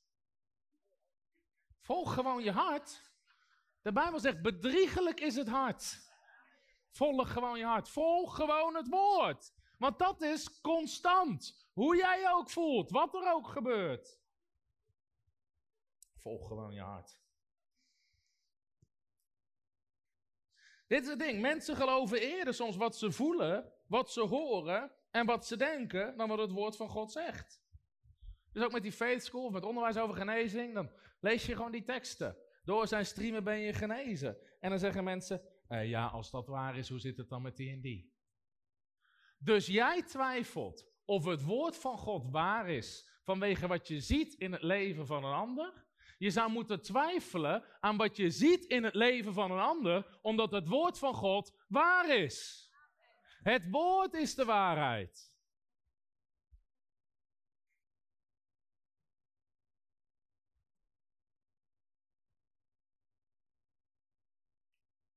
En daarom zeg ik vaak, geloof is wanneer je stopt te geloven wat je ziet en je gaat zien wat je gelooft. Geloof is wanneer je stopt te geloven wat je ziet en je gaat zien wat je gelooft. Ga wandelen in, het, in geloof. Je ziet het ook vaak in genezingsdienst. Je legt handen op mensen en zegt, ah, ik heb het nog. Ik voel het nog. Ik voel het nog. Ja, er is niks gebeurd. Eerst dat zegt, er is niks gebeurd. Want ik herinner me een vrouw, die kwam gewoon in een bed de dienst ingetild. Ging naar de toe, zalfde met olie, legde handen op. Eerst, voel het nog. Voel het nog. Voel het nog. Mensen zitten vast in hun gevoel. Ze geloven hun gevoel in plaats van het woord. In plaats van het woord, wat het woord van God zegt. Ga wandelen in geloof. Ik herinner me een keer, tijd terug, werd ik zelf aangevallen in mijn lichaam. Volgende dag zouden we een grote geneescampagne doen. En Arjan en Chris, Chris is er niet, maar die kwamen langs, wist ik niet, maar die stonden eigenlijk bij mij aan de deur. En uh, met een fles olie net bij de supermarkt gehaald. Gelukkig niet bij de garage, bij de supermarkt. En zeiden, we gaan je zelf met olie handen opleggen. Dus ze leggen met olie, leg de hand op. Zei, amen, ik geloof dat ik het ontvangen heb. We zeggen, hoe voel je? Maakt niet uit. Ik geloof dat ik het ontvangen heb. De Bijbel zegt, leg handen op zieken en je zal genezen. Ze hebben handen op mij gelegd, dus ik ben genezen. Je hoeft niet te voelen. Om te weten. Amen. Ik hoef niet te voelen dat mijn armen aan mijn lichaam hangen om te weten dat ze er zitten.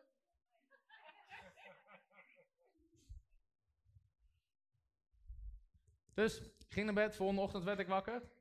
Nou, als ik wandel, zou wandelen naar gevoel, zou ik ook gebed vragen. ik de enige die die leuk vindt. Maar je wil niet weten hoe ik me soms voel.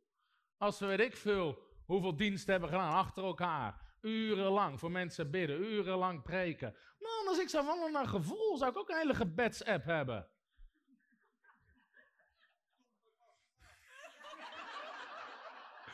Tompuntpastoraat, ja. Toevallig nam ik afgelopen geneescampagne nam ik iemand mee die met me mee wilde lopen, die zelf wilde groeien. En toen zei ik ook, hij zei, ik zei tegen ik ga nooit op gevoel. Weet je, je kan je voelen in de worship, halleluja, weet je Maar gevoel bedriegt. Ik zeg dat diensten waar ik soms, de laatste dienst in Maastricht. Man, dat was gewoon, ik weet niet of mensen bij waren, maar ik heb nog nooit zoveel, zelf in Maastricht, of all places. Gewoon wonderen van mensen met een gebrijzeld gezicht, stalen platen in hun hoofd, die genazen, die platen gingen weg. Mensen, die man die was van 4 meter hoogte op een stalen muur gevallen met zijn gezicht, 11 jaar terug. Ze hadden zijn gezicht aan elkaar gezet met stalen platen en schroeven. Sinds die val kon hij niet meer, kon hij niet meer ruiken. En, zo, en, uh, en was zijn gezicht dus met stalen platen en schroeven en haken aan elkaar. De, en in die dienst, hij geneest gewoon. Hij getuigt, ik kan weer ruiken, de stalen platen en schroeven zijn weg. God nou, dat doe je, weet je, hoe voel, maakt niet uit hoe ik me voel. Het woord van God is waar. Amen. Dus daarom zeg ik tegen degene, ik, weet je, ik ga nooit in een geneesdienst. Oh, voel ik de zalving? Voel ik... Het woord werkt. Predik gewoon het woord. Het woord werkt. Hoe ik me ook voel. Het woord werkt. Dus ook toen uiteindelijk, ik ging was morgens mijn bed uit. Ik geloof gewoon dat ik genezen ben. Voel je het? Nee, maar ik geloof het. En terwijl je dan gewoon wandelt in geloof en erop staat. Op een gegeven moment, denk je gewoon, wacht, het is helemaal weg. Net zoals Abraham die niet op zijn eigen lichaam lette. Zegt de Bijbel, maar God de eer gaf. Sommigen zijn alleen maar aan het voelen, aan het voelen, aan het voelen.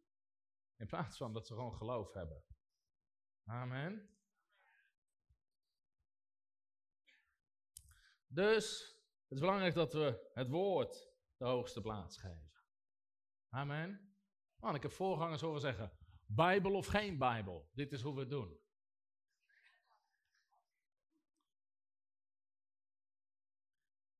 Schuiven gewoon het woord van God aan de kant. Uh, ja, dat zegt de Bijbel wel, maar ligt toch gevoelig bij veel mensen. Uh, onze denominatie gelooft daar niet in. Ik heb het al eerder gezegd, als jouw denominatie niet gelooft in het woord van God, is het geen denominatie, maar een demoninatie.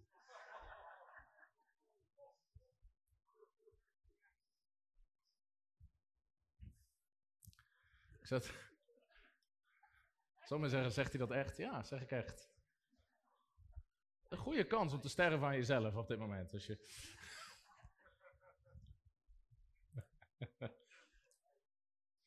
ik zat ooit in een dienst bij Zijlstra.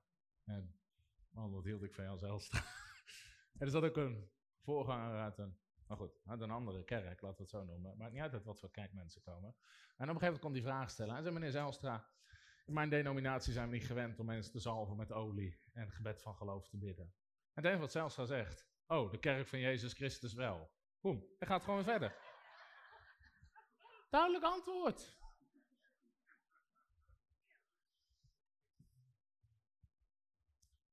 Ik las ooit van Derek Prins, die overstapte uit een kerk naar een andere kerk. En hij zei, weet je waarom? Het viel me op dat de gaven van de geest niet werkte. En ik dacht, als de gaven er niet zijn, is de gever er ook niet.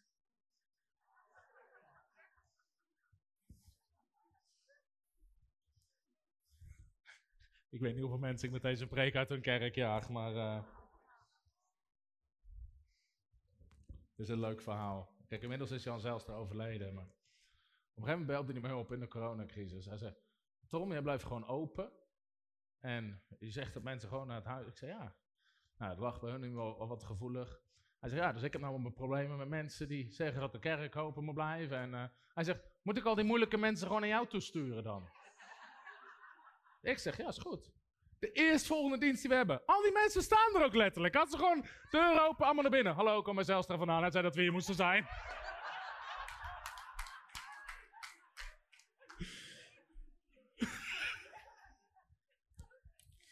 Schitterend. Het geloof het woord, amen. Zou ik iemand zeggen? Ah ja, de doop in de Heilige Geest, daar geloof ik niet in, ik ben een baptist.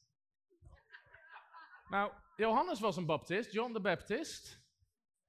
Maar Johannes zei, je moet geloven in degene die na mij komt, want hij zal u dopen met de Heilige Geest en met vuur, amen. Als Jezus het zegt, is het zo. Ja, dat zijn we niet gewend. Dan wen je er maar aan. Ik sprak ooit in de kerk. En dat was echt, het was gewoon nog een light dienst voor ons eh, toen. Geen demonen, die, geen mensen die bevrijd werden. Ik gaf een paar profetieën. En op een gegeven moment vroeg ik, kan de band naar voren komen? De hele band was weggegaan. Ze waren het niet eens met het feit dat er geprofeteerd werd. Dus de band was weg. Weet je, daarom interesseert het me ook niet. Daarom ga je niet op gevoel. Man, als je op gevoel gaat het moment dat je moet preken, in sommige kerken klinkt alsof een kat aan het vermoorden zijn.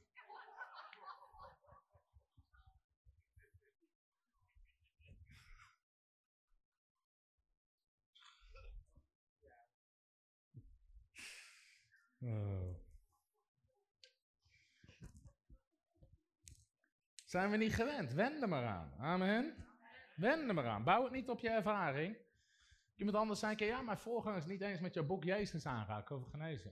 Ik zei, oh, met, waarmee is hij niet eens? Met welke tekst? Uh, nou, nee, dat niet. We hebben een vrouw in onze gemeente, die is niet genezen. Ja, dat verhaal staat niet in mijn boek. dus, je hebt een probleem met het woord van God. En dan bedoel ik niet dat ik mijn boek gelijk aan het woord van God, maar mensen gewoon leggen alle teksten uit het woord aan de kant, omdat ze iemand kennen die niet genezen is. Iemand anders met mijn boek Bidden is ontvangen over gebed. In mijn boek Bidden is ontvangen, hij ligt hier, hij ligt toevallig bovenop, niet geregisseerd. Allemaal leiding van de Heilige Geest, hè.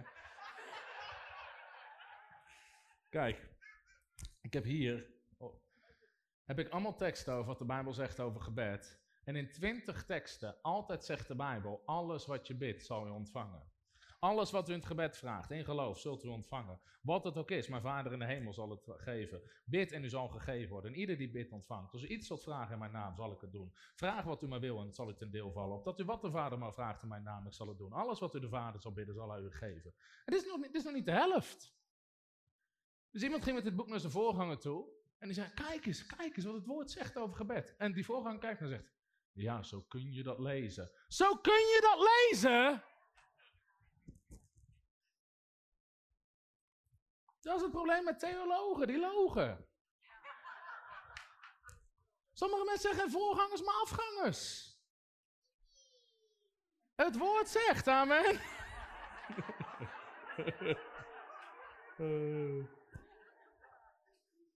en laatst hoorde ik nog iemand zeggen, ging over seksualiteit en samenwonen en al die dingen. Uh, ja, de Bijbel zegt dat wel, maar ja, je moet toch uh, de persoonlijke situatie van die mensen in acht nemen. Nee, die mensen met hun persoonlijke situatie moeten het woord van God in acht nemen. Het woord van God verandert niet. Amen. Weet je, je hebt mensen die niet weten wat de Bijbel zegt, dat is onwetendheid. Heb je mensen die niet geloven wat de Bijbel zegt, dat is ongeloof. En je hebt mensen die niet doen wat de Bijbel zegt, dat is ongehoorzaamheid. Maar alles met on is niet goed. Onwetendheid, ongeloof of ongehoorzaamheid. Mensen weten het niet, geloven het niet of doen het niet. Maar het woord van God kan niet gebroken worden. Amen. Het woord van God kan niet gebroken worden. Nou, zondag wil ik ook verder spreken over hoe we dan kunnen zien dat we die beloftes uit ons leven realiteit zien worden uit het woord van God. En daar zouden we best wel wat een en ander in kunnen leren, hoe dat werkt. En de Bijbel zegt, heel de schrift van God is ingegeven en nuttig om daarmee te onderwijzen, te weerleggen, te verbeteren en op te voeden in de rechtvaardigheid. Het woord van God kan je corrigeren, amen, mag je weerleggen. Het woord van God voedt je op. Maar wat we eerst gewoon moeten vestigen, is het woord van God is waarheid. Amen. God gaat nooit tegen zijn woord in en God vervult zijn woord. Daarom als het gaat om genezing, als ik kijk nou als ik kijk naar mijn eigen leven, is het een jaar of 11, 12 dat ik bezig ben. Eigenlijk sinds het moment dat ik wedergeboren werd, werd ik. Man, genezing was een van de eerste dingen die mij triggerde. Dat ik dacht van, als dit waar is, leg handen op zieken en zullen genezen. En we hebben autoriteit. Ik dacht, man, dat verandert de wereld. Had Jezus ook in zijn hoofd. Dus dat triggerde me altijd al. Dus vanaf het begin ben ik daarmee bezig geweest, nu een jaar of twaalf. En ik kan zeggen, man, ik heb een hele hoop geleerd de afgelopen twaalf jaar over hoe het wel werkt, hoe het niet werkt, wat je wel moet doen, wat je niet moet doen. Ik ben gegroeid in geloof. Vandaag de dag zien we wonderen. Die zag ik acht jaar terug niet. En ik kan niet eens met bijhouden hoeveel mensen wij in de afgelopen twee jaar niet hebben zien opstaan uit rolstoelen. Als je mensen hier binnenkomen in de rolstoel, denk je, oh, halleluja, daar gaat hij zo meteen. Krukken, gehoorapparaten, Net zoals die stalen platen en schroeven. Volgens mij, alleen in Maastricht hadden we al, ik dacht aan mijn hoofd, 16 getuigenissen. En het waren redelijk kleine diensten. Van mensen met stalen platen en schroeven in hun lichaam. Waardoor ze lichaamsdelen niet konden bewegen. En die konden ze weer bewegen, ze konden het staal niet voelen, dat soort dingen. En dat, dat was twee dagen. Nou, toen we daarmee begonnen, acht of tien jaar terug, hadden we dat soort wonderen niet. Ik weet nog, de eerste aantal keer dat ik voor iemand bad in een rolstoel, man, er gebeurde helemaal niks. Met dat je zo'n ding ziet, is je geloof weg. En ik heb geleerd om geloof te hebben in die situaties, hoe je anderen mee kan krijgen in geloof. We hebben gewoon een hele hoop geleerd. Hoeveel van onze ministerteams kunnen zeggen, wat hebben we een hoop geleerd? Gewoon over hoe die dingen werken. Mijn punt is, we zien nu dus veel meer wonderen dan tien jaar geleden. Veel meer. Maar wie is er veranderd? God? God is dezelfde. God is dezelfde. God had dit tien jaar terug ook willen doen. God wil dit voor iedereen doen. Alleen de meesten gaan niet door een leerproces heen. Want als het een paar keer niet lukt, zitten ze bij pastoraat. Lezen ze een boek waarom God niet altijd wonderen doet. Want die boeken bouwen niet je geloof, breken je geloof af. Ik hou van radicale boeken. Die gewoon het woord zegt, het woord God. God zal alle ziekten van je weren. Leg handen op zieken. Man. Dus mijn punt is, ik heb gigantisch veel geleerd de afgelopen 10, 12 jaar. En we zijn pas net begonnen. Dus de komende 10, 12 jaar gaan we nog veel meer leren. En raad is, het, het gaat alleen maar toenemen, amen. Dat ligt niet aan een seizoen of, weet je, sommigen ja, dat was toen de, toen had je op ik snap wat ze zeggen, toen had je de healing revivals, van God echt de genezingsopwekking gaf in Amerika in die jaren. Dat lag niet aan God. Weet je, sommige mensen denken dat God zegt, nou, nu komt de healing revival. Was het toen een healing revival? Ja, maar hoe kwam dat? Omdat mensen de principes pakten uit het woord en ze gingen ermee aan de gang. En God waakt over zijn woord om dat te doen. Amen. God had het honderden jaren daarvoor willen doen en God doet het honderden jaren daarna. Dat ligt niet aan een speciale beweging van Gods geest. Dat ligt aan mensen die het woord van God pakken, geloven en het gaan doen. Amen. Want anders kan je alles veel te charismatisch maken. Uh, ja, de Healing Revival is afgelopen. Nee, onzin. Er is nooit een Healing Revival geweest, of er is altijd een Healing Revival geweest, maar net hoe je het wil zeggen. Maar God is een waarmaker van zijn woord. Of je nou een 1100, 1200, 1300, 1500, 1900, 2000, weet ik veel waar we nog heen gaan. Maar God staat altijd achter zijn woord. Amen. Dus heel veel dingen die we noemen met seizoen van dit, seizoen van dat. Weet je, nu zie je in Nederland heel veel mensen bezig met profetie. Stort God een, God stort een geest uit van profetie. Nee, mensen pakken het woord en gaan het doen. Dus dat maakt me hoopvol dat we aan het groeien zijn, amen. En dat we aan het leren zijn. En het vraagt nederigheid om te leren. Amen. Het vraagt nederigheid om te leren. En een groeiproces. En dan begon ik aan het begin over, is dit goed? Helpt het mensen? Weet je wat? Ik zal geen, geen naam noemen. Op een bepaalde plek hebben we genezingsdiensten. En die voorganger waar we bij te gast waren, die was had een bepaalde leidinggevende positie in een bepaalde denominatie, om het zo maar te noemen. Dus had een appgroep met heel veel voorgangers daarin. Dus ten eerste, toen hij zei dat hij ons had uitgenodigd, kreeg hij alleen maar negatieve reacties. En dit was niet, dit was niet eens uit de traditionele hoek of wat dan ook. En dus hij vroeg, ja, wat is er dan slecht? Wat het is alleen maar lawaaimakerij.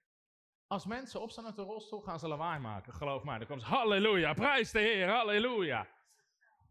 En zeiden, weet je, God komt altijd in een zachte stilte. Handelingen 2, vers 4. En het geluid van een machtige windvlaag vulde het hele huis waarin zij zaten. Amen. God komt niet altijd in een, in in een zachte stilte. Weet je, religie. In ieder geval, hij liet me zien in die groepschat. Op een gegeven moment, mensen stonden op het rolstoelen, krukken gingen lopen de band. Dus hij staat allemaal in die dienst, op de eerste rij, foto's te maken. Allemaal in die appgroep. Niemand reageerde. Spontane doopdienst aan het eind van de campagne. Volgens mij 26 dopelingen. Mensen die twee dagen daarvoor nog in een rolstoel zaten. Die nu getuigden dat hun dochtertje voor het eerst had zien lopen. Lieten zich dopen, weet je Niemand reageerde. En toen, toen stond een andere voorganger. We hadden vanmorgen een doopdienst met twee mensen. En ze allemaal, oh wat mooi, wat mooi, wat mooi, wat mooi. nou, mijn punt is, het maakt niet uit, maar mijn punt is, als ik ergens foto's zie op een plek waar rolstoelen en krukken de lucht in gaan. En ik weet dat het nog drie dagen duurt. Maakt niet uit. Ik schrap mijn agenda. Ik zit vooraan. En ik zit te kijken wat God doet. En ik ben aan het leren. Amen. Man, ik ging naar Jan Zijlstra toen niet omdat ik genezing nodig had. Omdat ik wilde leren. Ik zat ooit in een samenkomst van een bekende genezingsprediker. En diegene naast me vroeg, waaraan bent u ziek? Ik zeg, ik ben niet ziek. Wat doet u hier dan? Ik zeg, genieten, leren. Was de eerste samenkomst waar iemand zag opstaan uit de rolstoel. Man, dat doet wat met je geloof. Dat bemoedigt je. Weet je, dat vraagt soms gewoon nederigheid. Leren, kijken, weet je, gewoon leren. Waarom? Het woord van God is waar, amen. Maar het werkt niet voor hoogmoedigen. Iemand zei, uh, wat jij doet is niet nieuw. Uh, was ook iemand in de belangrijke leider in de charismatische beweging. Wat jij doet is niet nieuw, dat deden we in de jaren negentig ook al. Ik snap dat het niet nieuw is. Staat al 2000 jaar in dit boek, pannenkoek. En ten tweede, waarom deed je het in de jaren 90 en niet nu?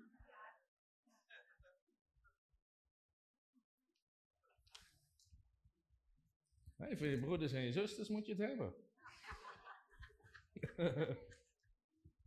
maar dit is het ding, ik heb meer respect voor het woord van God dan mensen hun ervaring, hun emotie, hun gevoel, hun traditie, hun interpretatie, hun fascinatie wat ze ook hebben. Amen. Soms zeggen mensen, ja, maar jij neemt het woord van God te serieus. Ik geloof niet dat ik later voor de troon van God sta. Dat God zegt, uh, Tom, jij nam mijn woord echt veel te serieus, hè. Dacht je nou echt? Dacht je echt dat als je handen legt op een zieke dat ze dan genezen? Hij kreeg gezet voor de lol, joh.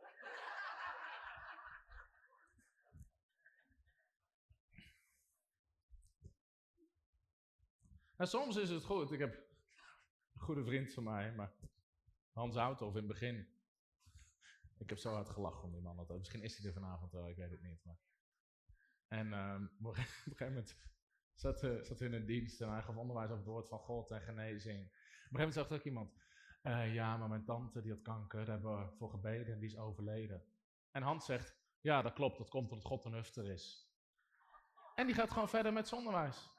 En die vrouw zegt, nee, nee, nee, nee, dat is het niet. Nee, precies, dat is het niet. Dus wat is je vraag?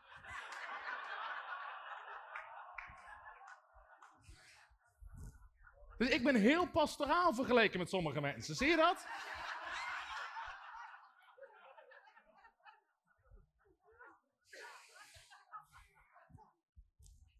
Ik zou je meer verhalen kunnen vertellen van Hans, maar niet iedereen zou die kunnen handelen, denk ik. Ik weet, uh, oké, okay, nog, wil nog een verhaal. Sorry Hans, ik denk dat je kijkt, maar... Hans deed een genezing... Hans deed een genezingscursus van tien avonden. En uh, ik was er bij die cursus en er zat een vrouwtje vooraan. En bij alles wat hij zegt, zegt ze... Uh, ja maar, ja maar, ja maar, ja maar. En op een gegeven moment was Hans las gewoon een tekst voor ja maar. Op een gegeven moment was het zo, was Hans het zo dat echt arrogant varken dat je daar zit, zegt hij. Hij zegt, je zegt geen ja maar tegen mij, maar tegen het woord van God. Nou, Hans geen, heeft geen Nederlandse achtergrond, is Zuid-Afrikaan, dus die zijn sowieso iets directer. En dat vrouwtje, die komt uit de traditionele kerk.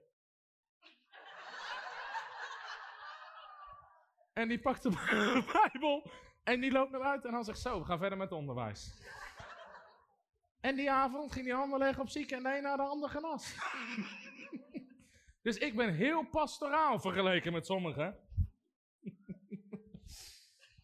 oh. Zo, ja, maar je moet toch zijn zoals Jezus. Heb je Matthäus 23 wel eens gelezen? Voor sommigen is dat hun favoriete hoofdstuk. Een heel hoofdstuk waar Jezus, de religieuze leiders, wit gepleisterde graven, adderen gebroed, weet ik veel wat voor scheldwoorden ze toen allemaal hadden. Maar enige voordeel is als je het nu letterlijk citeert dat niemand zich beledigd voelt. Andere gebroed.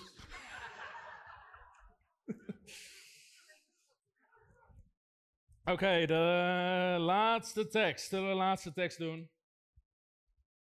Hoeveel denken dat het goed is als we hier zondagavond nog verder over gaan? Dat we hier nog meer over zouden kunnen zeggen? De allerlaatste tekst, 1 Thessalonicense 2 vers 13, is de laatste tekst die ik lees. De rest doe ik uit mijn hoofd.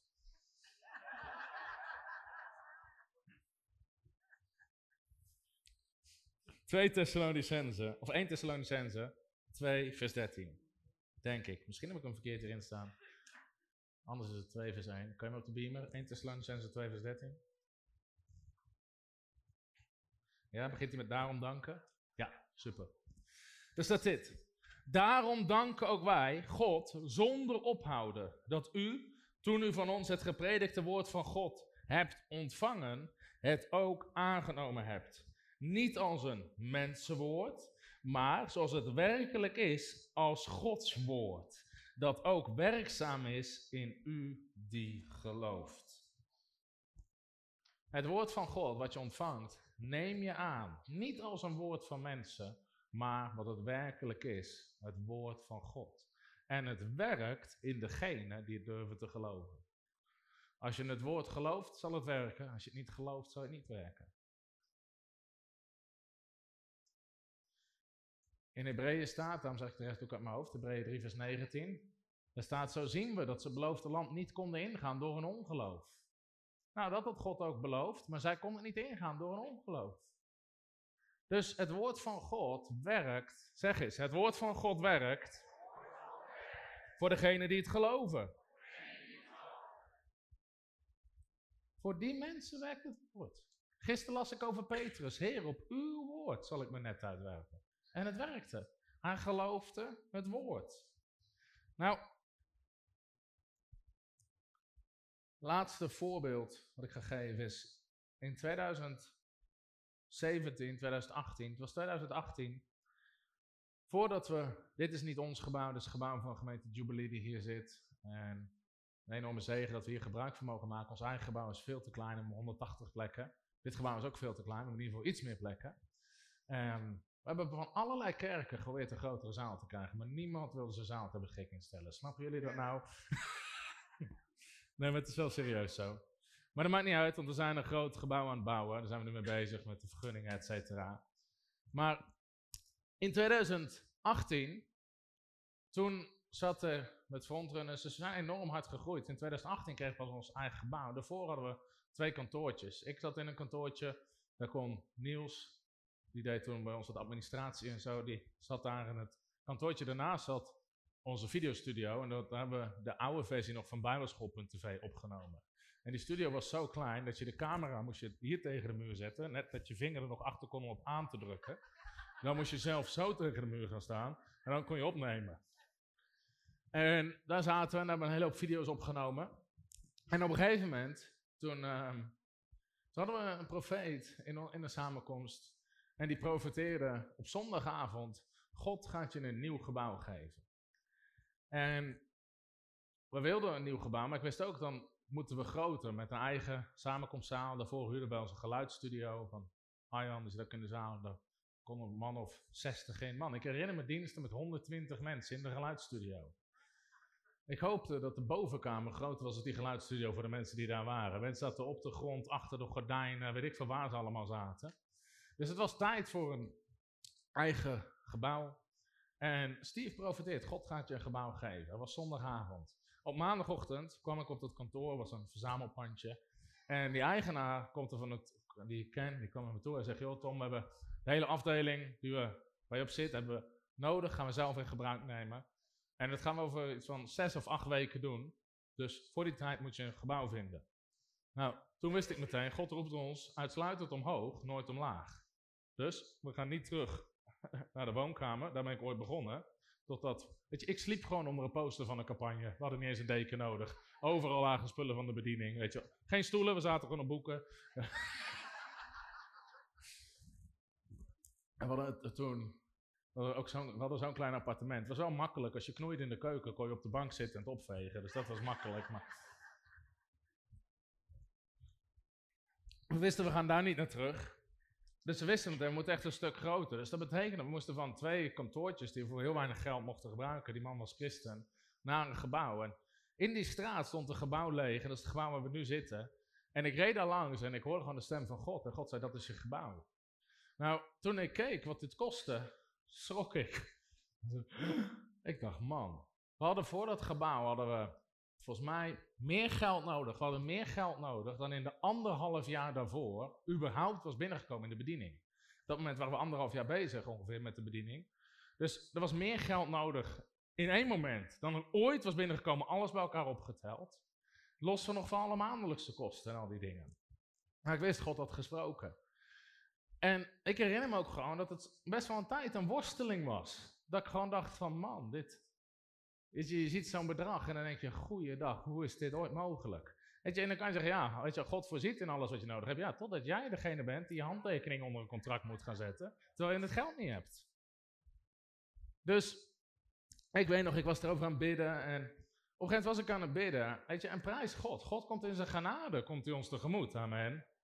Dus ik was ook aan het bidden en ik zei, Heer, ik zeg, doe mijn uiterste best, maar ik weet niet of ik hier het geloof voor heb. En God vroeg, Tom, geloof je mijn woord? En ik zei, ja Heer, daar kan je één ding op antwoorden. ja Heer, ik geloof uw woord. En toen zei God, ik hoorde de stem van God, ik beloof in mijn woord een honderdvoudige oogst. Tel alles op wat je weg hebt gegeven aan anderen en doe het keer honderd. Dus ik pakte mijn keek door de administratie, we konden zien wat we zelf weggaven aan giften. En ik deed dat keer 100. En man, er stond een gigantisch bedrag. En weet je, God geloof je mijn woord? En ik zei, halleluja, we gaan God geloven voor een honderdvoudige oogst. In één keer ontstond daar geloof in mijn hart, omdat God sprak.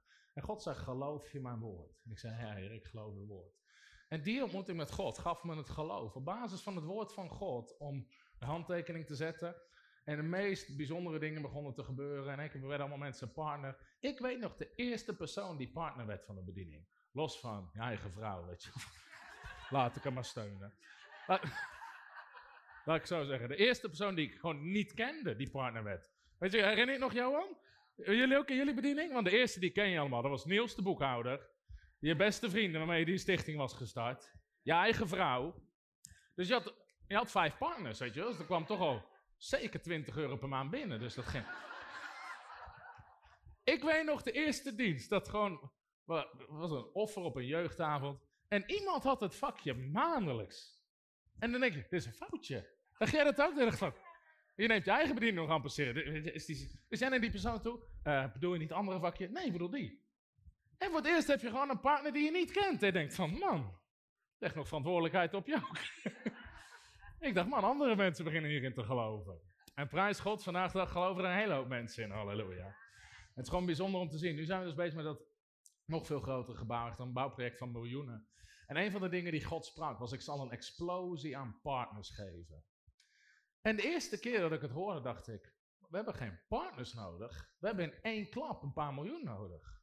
Maar het Bijbelse model is partnerschap. En het mooie is, weet je, dit soort gebouwen zijn niet van de een op de andere dag geregeld. Soms de aankoop van een gemiddeld bedrijfspand duurt een jaar, alleen de aankoop. Met allerlei vergunningen, dingen die erbij komen kijken, et cetera. En God zei, ik ga een explosie aan partners geven. En ondanks dat ik het niet snapte, in één keer zagen we boem, boem, boem, boem. Allemaal mensen begonnen partner te worden. En dat is nu, de afgelopen periode. Ik vertel nu twee verhalen door elkaar, maar ik kom zo terug met andere verhalen. Mijn punt is, de aankoop van het eerste, wat we nu gekocht hebben, en we hebben nu 20.000 vierkante meter grond, hebben we gekocht, hebben alle schuldenvrij gekocht. Alleen die deal was niet van de een op de andere dag rond. Omdat heel veel mensen werden partner. En het zijn niet eens partners van duizend euro's. Gewoon iemand voor 20, 30, 40, 50, 100, 150. En iedere maand, boem, boem, boem, boem, komt het geld terug. En ook het hele, nu zitten we in het hele vergunningproces. Weet je, een eenmalige gift is ontzettend krachtig, is ontzettend mooi. Maar die partners die gewoon iedere maand terugkomen, waardoor je straks ook gewoon kan bouwen. En iedere maand gewoon bam, bam, bam, de bouwkosten kan betalen. Iedere maand. we hebben deze maand iets van 40 of 50.000 boeken gedrukt. We hoeven geen aparte offers op te halen om boeken te drukken.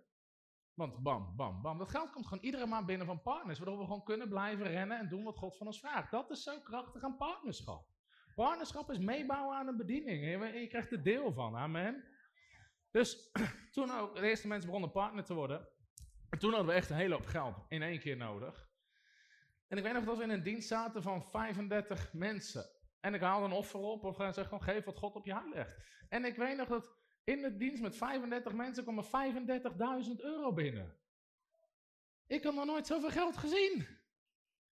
En God begon te voorzien en giften kwamen van andere kanten. En uiteindelijk, dus dat pand waar we nu zitten, uiteindelijk, we in geloof zijn we erin gegaan. God voorzag in alles, echt in alles wat we nodig hadden. En tegen de tijd dat we er goed en wel in zaten, hadden we zoveel partners dat we gewoon iedere maand de maandelijkse kosten konden betalen. Weet je, je ziet altijd dat God voorziet. Amen. God voorziet in al je noden. Dus ik heb geleerd, soms moet je je noden vergroten. Amen. Weet je, nee, hoe kan je gewoon mensen aannemen? Weet je, waar halen die salaris vandaan? God voorziet in al je noden. Dus als je noden groter worden, voorziet God in al je noden. Amen. Zo moeilijk is het niet. En dus toen we erin kwamen, toen hadden we gewoon al het geld om maandelijks. En we namen de eerste persoon aan, de tweede. En volgens mij zitten we inmiddels op 15 of 16 mensen die we in dienst hebben. Twee, uh, zeg maar drie jaar later. Maar mijn punt is, begon met de vraag van God. Tom, geloof je mijn woord echt? En daar komt het heel vaak op neer. Geloof je echt wat God zegt? En voor mij was dat toen van, oké, ik ga staan op die honderdvoudige oogst. Een andere keer gebruikte God het andersom. Dat toen we ons eerste personeelslid aannamen, dat God sprak om een gigantische gift voor ons van duizend euro, wat toen voor ons gigantisch veel geld was, te zaaien in een andere bediening. Dus ik voelde me verantwoordelijk om die persoon zijn salaris te betalen. En velen van jullie kennen het verhaal. Dat die, die jongen die werkt net een week voor ons en die voelt zich verantwoordelijk voor zijn gezin. En weet je, ik weet nog dat ik aan hem vroeg, wil je je salaris aan het eind van de maand? Hij zegt, ja graag. Ik moet je bidden? Ik heb het niet meer. Waarom? God legt op mijn hart om een, een, gigantisch bedrag te zaaien in een andere bediening. Dat was een test van geloof. Weet je, ook dat kunnen geloofstesten zijn. En toen sprak God uit Genesis 26. Isaac zaaide in het land en hij oogste honderdvoudig. Dus toen gebruikte God het andersom, om een gigantisch bedrag te zaaien. En, en het gaaf was, aan het eind van het jaar was er honderd keer zoveel binnengekomen als aan het begin van het jaar gezaaid hadden. Jullie nou God van wonderen, amen. Alles wat je in de handen van Jezus legt, wordt vermenigvuldigd. Maar de vraag is, durf je het te geloven? Amen. Durf je het te geloven? Dus God vroeg mij, Tom, geloof je mijn woord? En dat is heel vaak wat God aan zijn vragen. Geloof je mijn woord? Geloof het woord. En God is een waarmaker van zijn woord. Ik kan zeggen, God heeft nooit teleurgesteld. God heeft nooit teleurgesteld. Soms zeggen we, ben teleurgesteld in God. Je kan niet teleurgesteld zijn in God. God stelt nooit teleur. Je kan teleurgesteld zijn in de kerk, in mensen, in jezelf en alle dingen, maar niet in God. Amen. God stelt nooit teleur. De vraag is, geloof je zijn woord echt? Amen. Ben je hierdoor gezegend? Hoeveel mensen hierdoor gezegend? Halleluja. Geef God een groot applaus.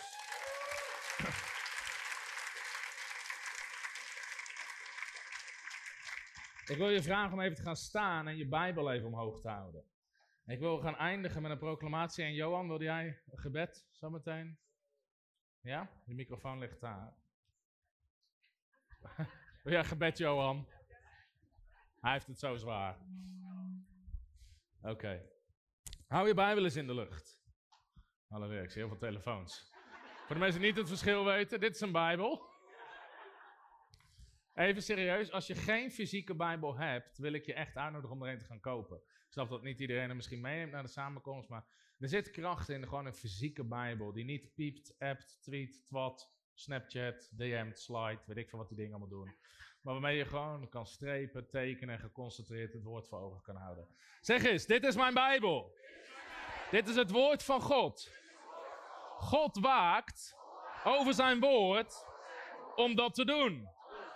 Gods woord zal nooit vruchteloos terugkeren, maar het zal doen wat God behaagt. God vervult zijn woord. Ik geef dit woord het de allerhoogste plaats in mijn leven. Heer, u heeft uw woord verheven boven uw naam. Ik plaats uw woord boven mijn naam. Boven wat ik zie, boven wat ik denk en boven wat ik voel en boven wat ik ervaar. Heer, ik wil geen schijn van godsvrucht hebben. Ik wil echte godsvrucht hebben. Ik geloof uw woord. Uw woord is de waarheid. Heilig mij door uw waarheid. Uw woord, o Heer, staat voor eeuwig vast in de hemel. Uw woord houdt altijd stand. En ik zal mijn leven niet leiden of baseren op gevoel, ervaring of traditie, maar op uw woord.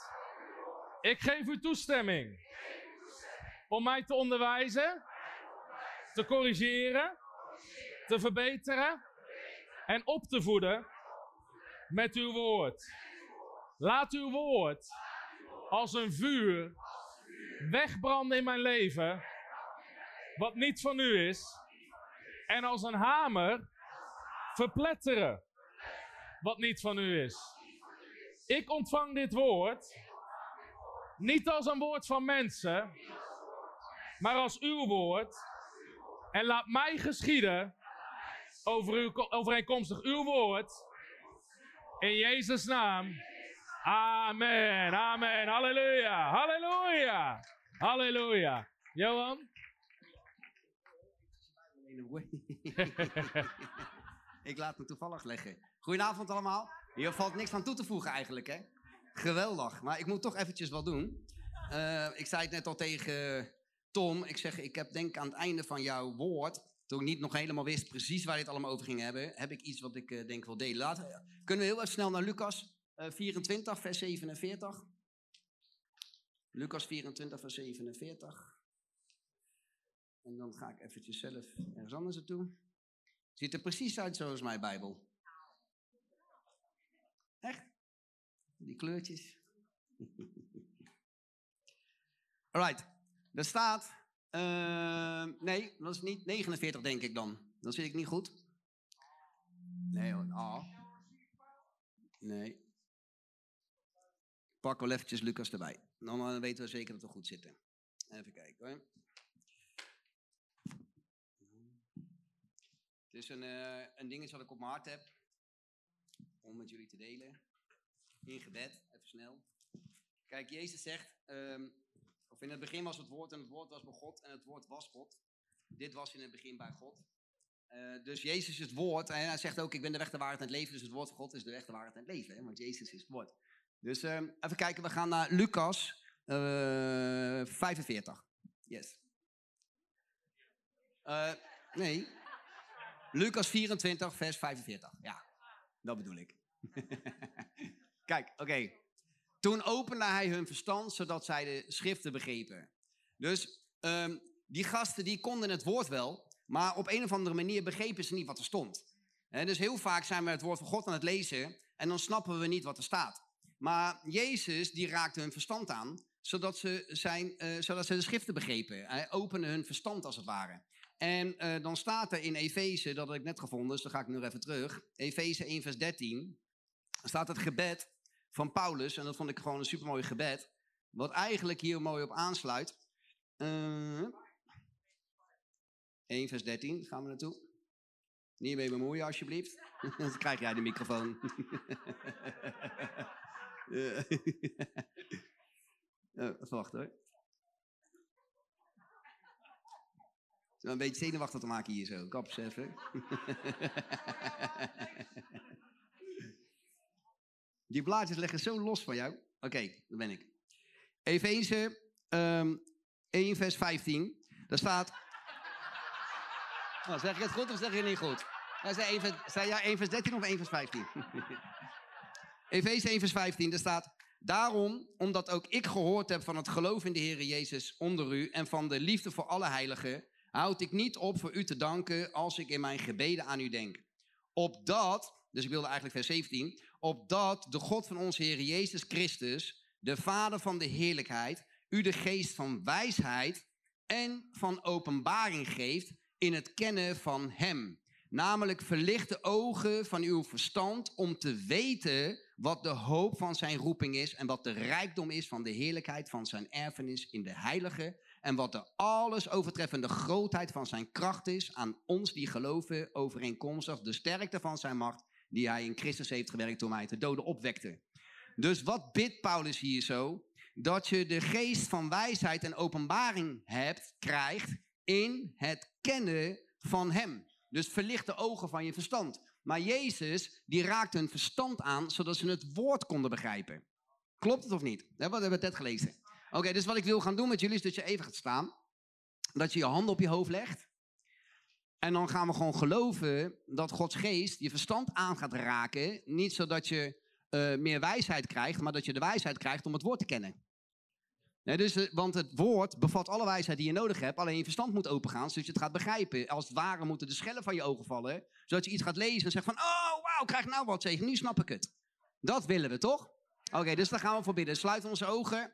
Vader, dank u wel, Heer, dat u zo'n geweldige God bent. En dat u doet wat u zegt dat u doen zal. Dat u geen mens bent die liegen zou. We hebben vandaag gehoord hoe ongelooflijk belangrijk uw woord is, Heer. En we willen uw woord kennen. We willen openbaring krijgen van uw woord. We willen het snappen. We willen weten wat er staat, wat het ons belooft, wat we kunnen, wat we vermogen. Want u belooft ons zulke mooie dingen, Heer. Maar u zegt ook in uw woord dat Jezus hun verstand aanraakte, zodat ze de schriften begrepen. Heren, wij kennen het woord wel, maar willen het begrijpen. En daarom in de naam van Jezus op dit moment, raak ons verstand aan. Met uw heilige geest, met uw kracht op dit moment, zodat we die schriften gaan begrijpen. Kom met uw kracht nu in de naam van Jezus en raak het aan, heren. Open alles wat geopend moet worden. Hef elke blokkade op. Elke vorm van gebondenheid. Laat die schellen van onze ogen vallen. Laat het onbegrip en het onverstand wijken uit ons leven. We spreken uw woord en uw waarheid erover uit, heren. Dat u ons alles geeft wat wij geloven overeenkomstig hetgene wat u belooft in uw woord, heren. Open ons verstand in de machtige naam van Jezus. We ontvangen het nu. We ontvangen nu de gave en de zalving om uw woord te begrijpen, heer. Om het te kennen van hart. Zodat het logos rema wordt in de machtige naam van Jezus. Halleluja. En als je het gelooft, dan laten we zeggen amen. Amen, amen, amen, amen, amen. Halleluja. Oké, je mag even gaan zitten. Wauw, wauw, wauw. Tot nu echt genoten van deze avond. Man, wat is het goed om onder het woord te zijn. Amen. Dat is ook, heel veel kerkdiensten zijn 17 minuten, moet de hele kerk open.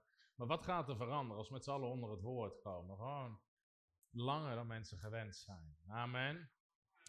Ik wil heel even vragen of het mediateam het video's klaar heeft staan. Ja? Gaat deze keer lukken? Halleluja. Frontrunners. Althans, hij is nog niet helemaal af. Maar dit is wel de locatie waar we ons nieuwe pand willen gaan realiseren.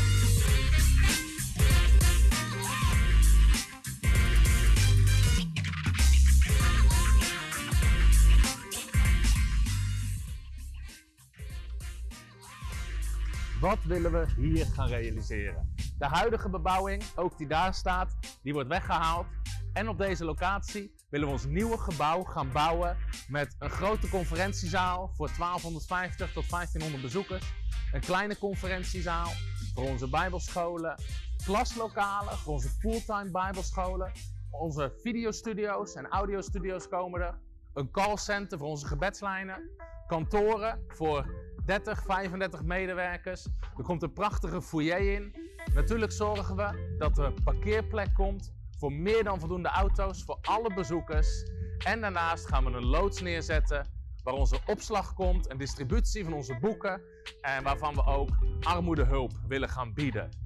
Wij geloven dat dit een prachtige locatie wordt voor het Koninkrijk van God, dat echt gegeven is aan Nederland om een zegen te zijn, waardoor we nog meer mensen kunnen trainen, toerusten, kunnen bereiken en kunnen bedienen, omdat we gewoon grotere faciliteit hebben. En we zien uit naar alles wat God vanuit deze locatie wil gaan doen. En we zien ook uit hoe we andere landen in Europa kunnen bereiken, omdat we ook onze internationale bediening vanuit onze videostudio's en boeken vanaf hier vorm kunnen gaan geven. Het goede nieuws is dat deze hele locatie van de bouwkavel, het huidige pand, parkeerplek, totaal 20.000 vierkante meter, dat we het helemaal schuldenvrij hebben aangekocht. We zijn nu bezig met alle benodigde papieren, de vergunningen, de bouwtekeningen. En we zitten dus volop in de voorbereidingsfase. Onze visie is om dit hele project schuldenvrij te realiseren. En ik zal je vertellen waarom. Ten eerste omdat het een belofte is van God. In Deuteronomium 28, vers 12, waar staat dat God het werk van onze handen zal zegenen en dat we zullen uitlenen, maar niet hoeven te lenen. En willen het werk van God willen we schuldenvrij bouwen.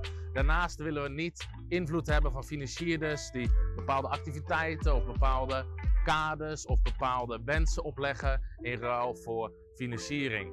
En bovendien willen we helemaal vrij zijn met onze eigen activiteiten. We willen niet het pand moeten verhuren, maar willen ook niet zelf conferenties moeten houden om kosten te dekken. We willen gewoon vrij zijn zodra we erin zitten. En bovendien, alle middelen die binnenkomen van onze partners en mensen die geven, willen we direct in het Koninkrijk van God steken. Gebruiken om boeken te drukken, mensen te bereiken, mensen te trainen en niet gebruiken voor het betalen van rente. En het gaaf is dus, tot nu toe hebben we alle schulden vrij gedaan. En we vertrouwen God voor alle andere voorziening die nodig is. Voor de rest van het project is nog ongeveer 4,5 miljoen euro nodig. en we vertrouwen God op alle voorziening die nodig is. Net zoals staat in 1 Kronieken 29, vers 16, dat de voorziening gereed zal zijn voordat de bouw gaat starten. We willen deze video opnemen ten eerste om je op de hoogte te houden van wat er gebeurt. Speciaal voor onze partners, de mensen die geven, de mensen die bij ons betrokken zijn, de mensen die voor ons bidden. Als je nog geen partner bent, wil ik je van harte uitnodigen om partner te worden. En ons mee te helpen met onder andere wat God aan het doen is te faciliteren. Dus als je nog geen partner bent, word partner van Frontrunners en help ons mee met bouwen, structureel, met dit gebouw, maar ook daarna met alle andere dingen die hier gaan plaatsvinden. Dat is de kracht van partnerschap. Uiteraard kan je ook een losse gift geven om mee te helpen om dit te bouwen. Misschien heb je een bedrijf, heb je middelen om mee te helpen, wil je dat aanbieden. We zijn ontzettend dankbaar voor iedereen die meebouwt. Dus ik wil je vragen, overweeg in gebed op welke manier je mee mag helpen. We willen je graag op de hoogte houden en daarom maken we ook deze video. Ik hoop dat je erdoor gezegend en bemoedigd bent en ik wil je God zegen wensen. Hallo, Tom de Wol hier en bedankt dat je weer geluisterd hebt naar onze podcast. Ik bid dat het je geloof gebouwd heeft en je bemoedigd bent. Als je niet alleen een luisteraar van onze boodschap wil zijn, maar ook een verspreider daarvan, wil ik je uitnodigen om partner te worden van Frontrunners. Door jouw maandelijkse donatie help je ons om dit evangelie van Jezus Christus en het woord van God over heel de aarde te brengen. Om partner te worden, ga naar www.frontrunnersministries.nl slash partners en word partner. Hartelijk bedankt en tot snel. Heb je ook zo genoten van deze inspirerende boodschap van Tom de Wal? Abonneer je dan op deze podcast.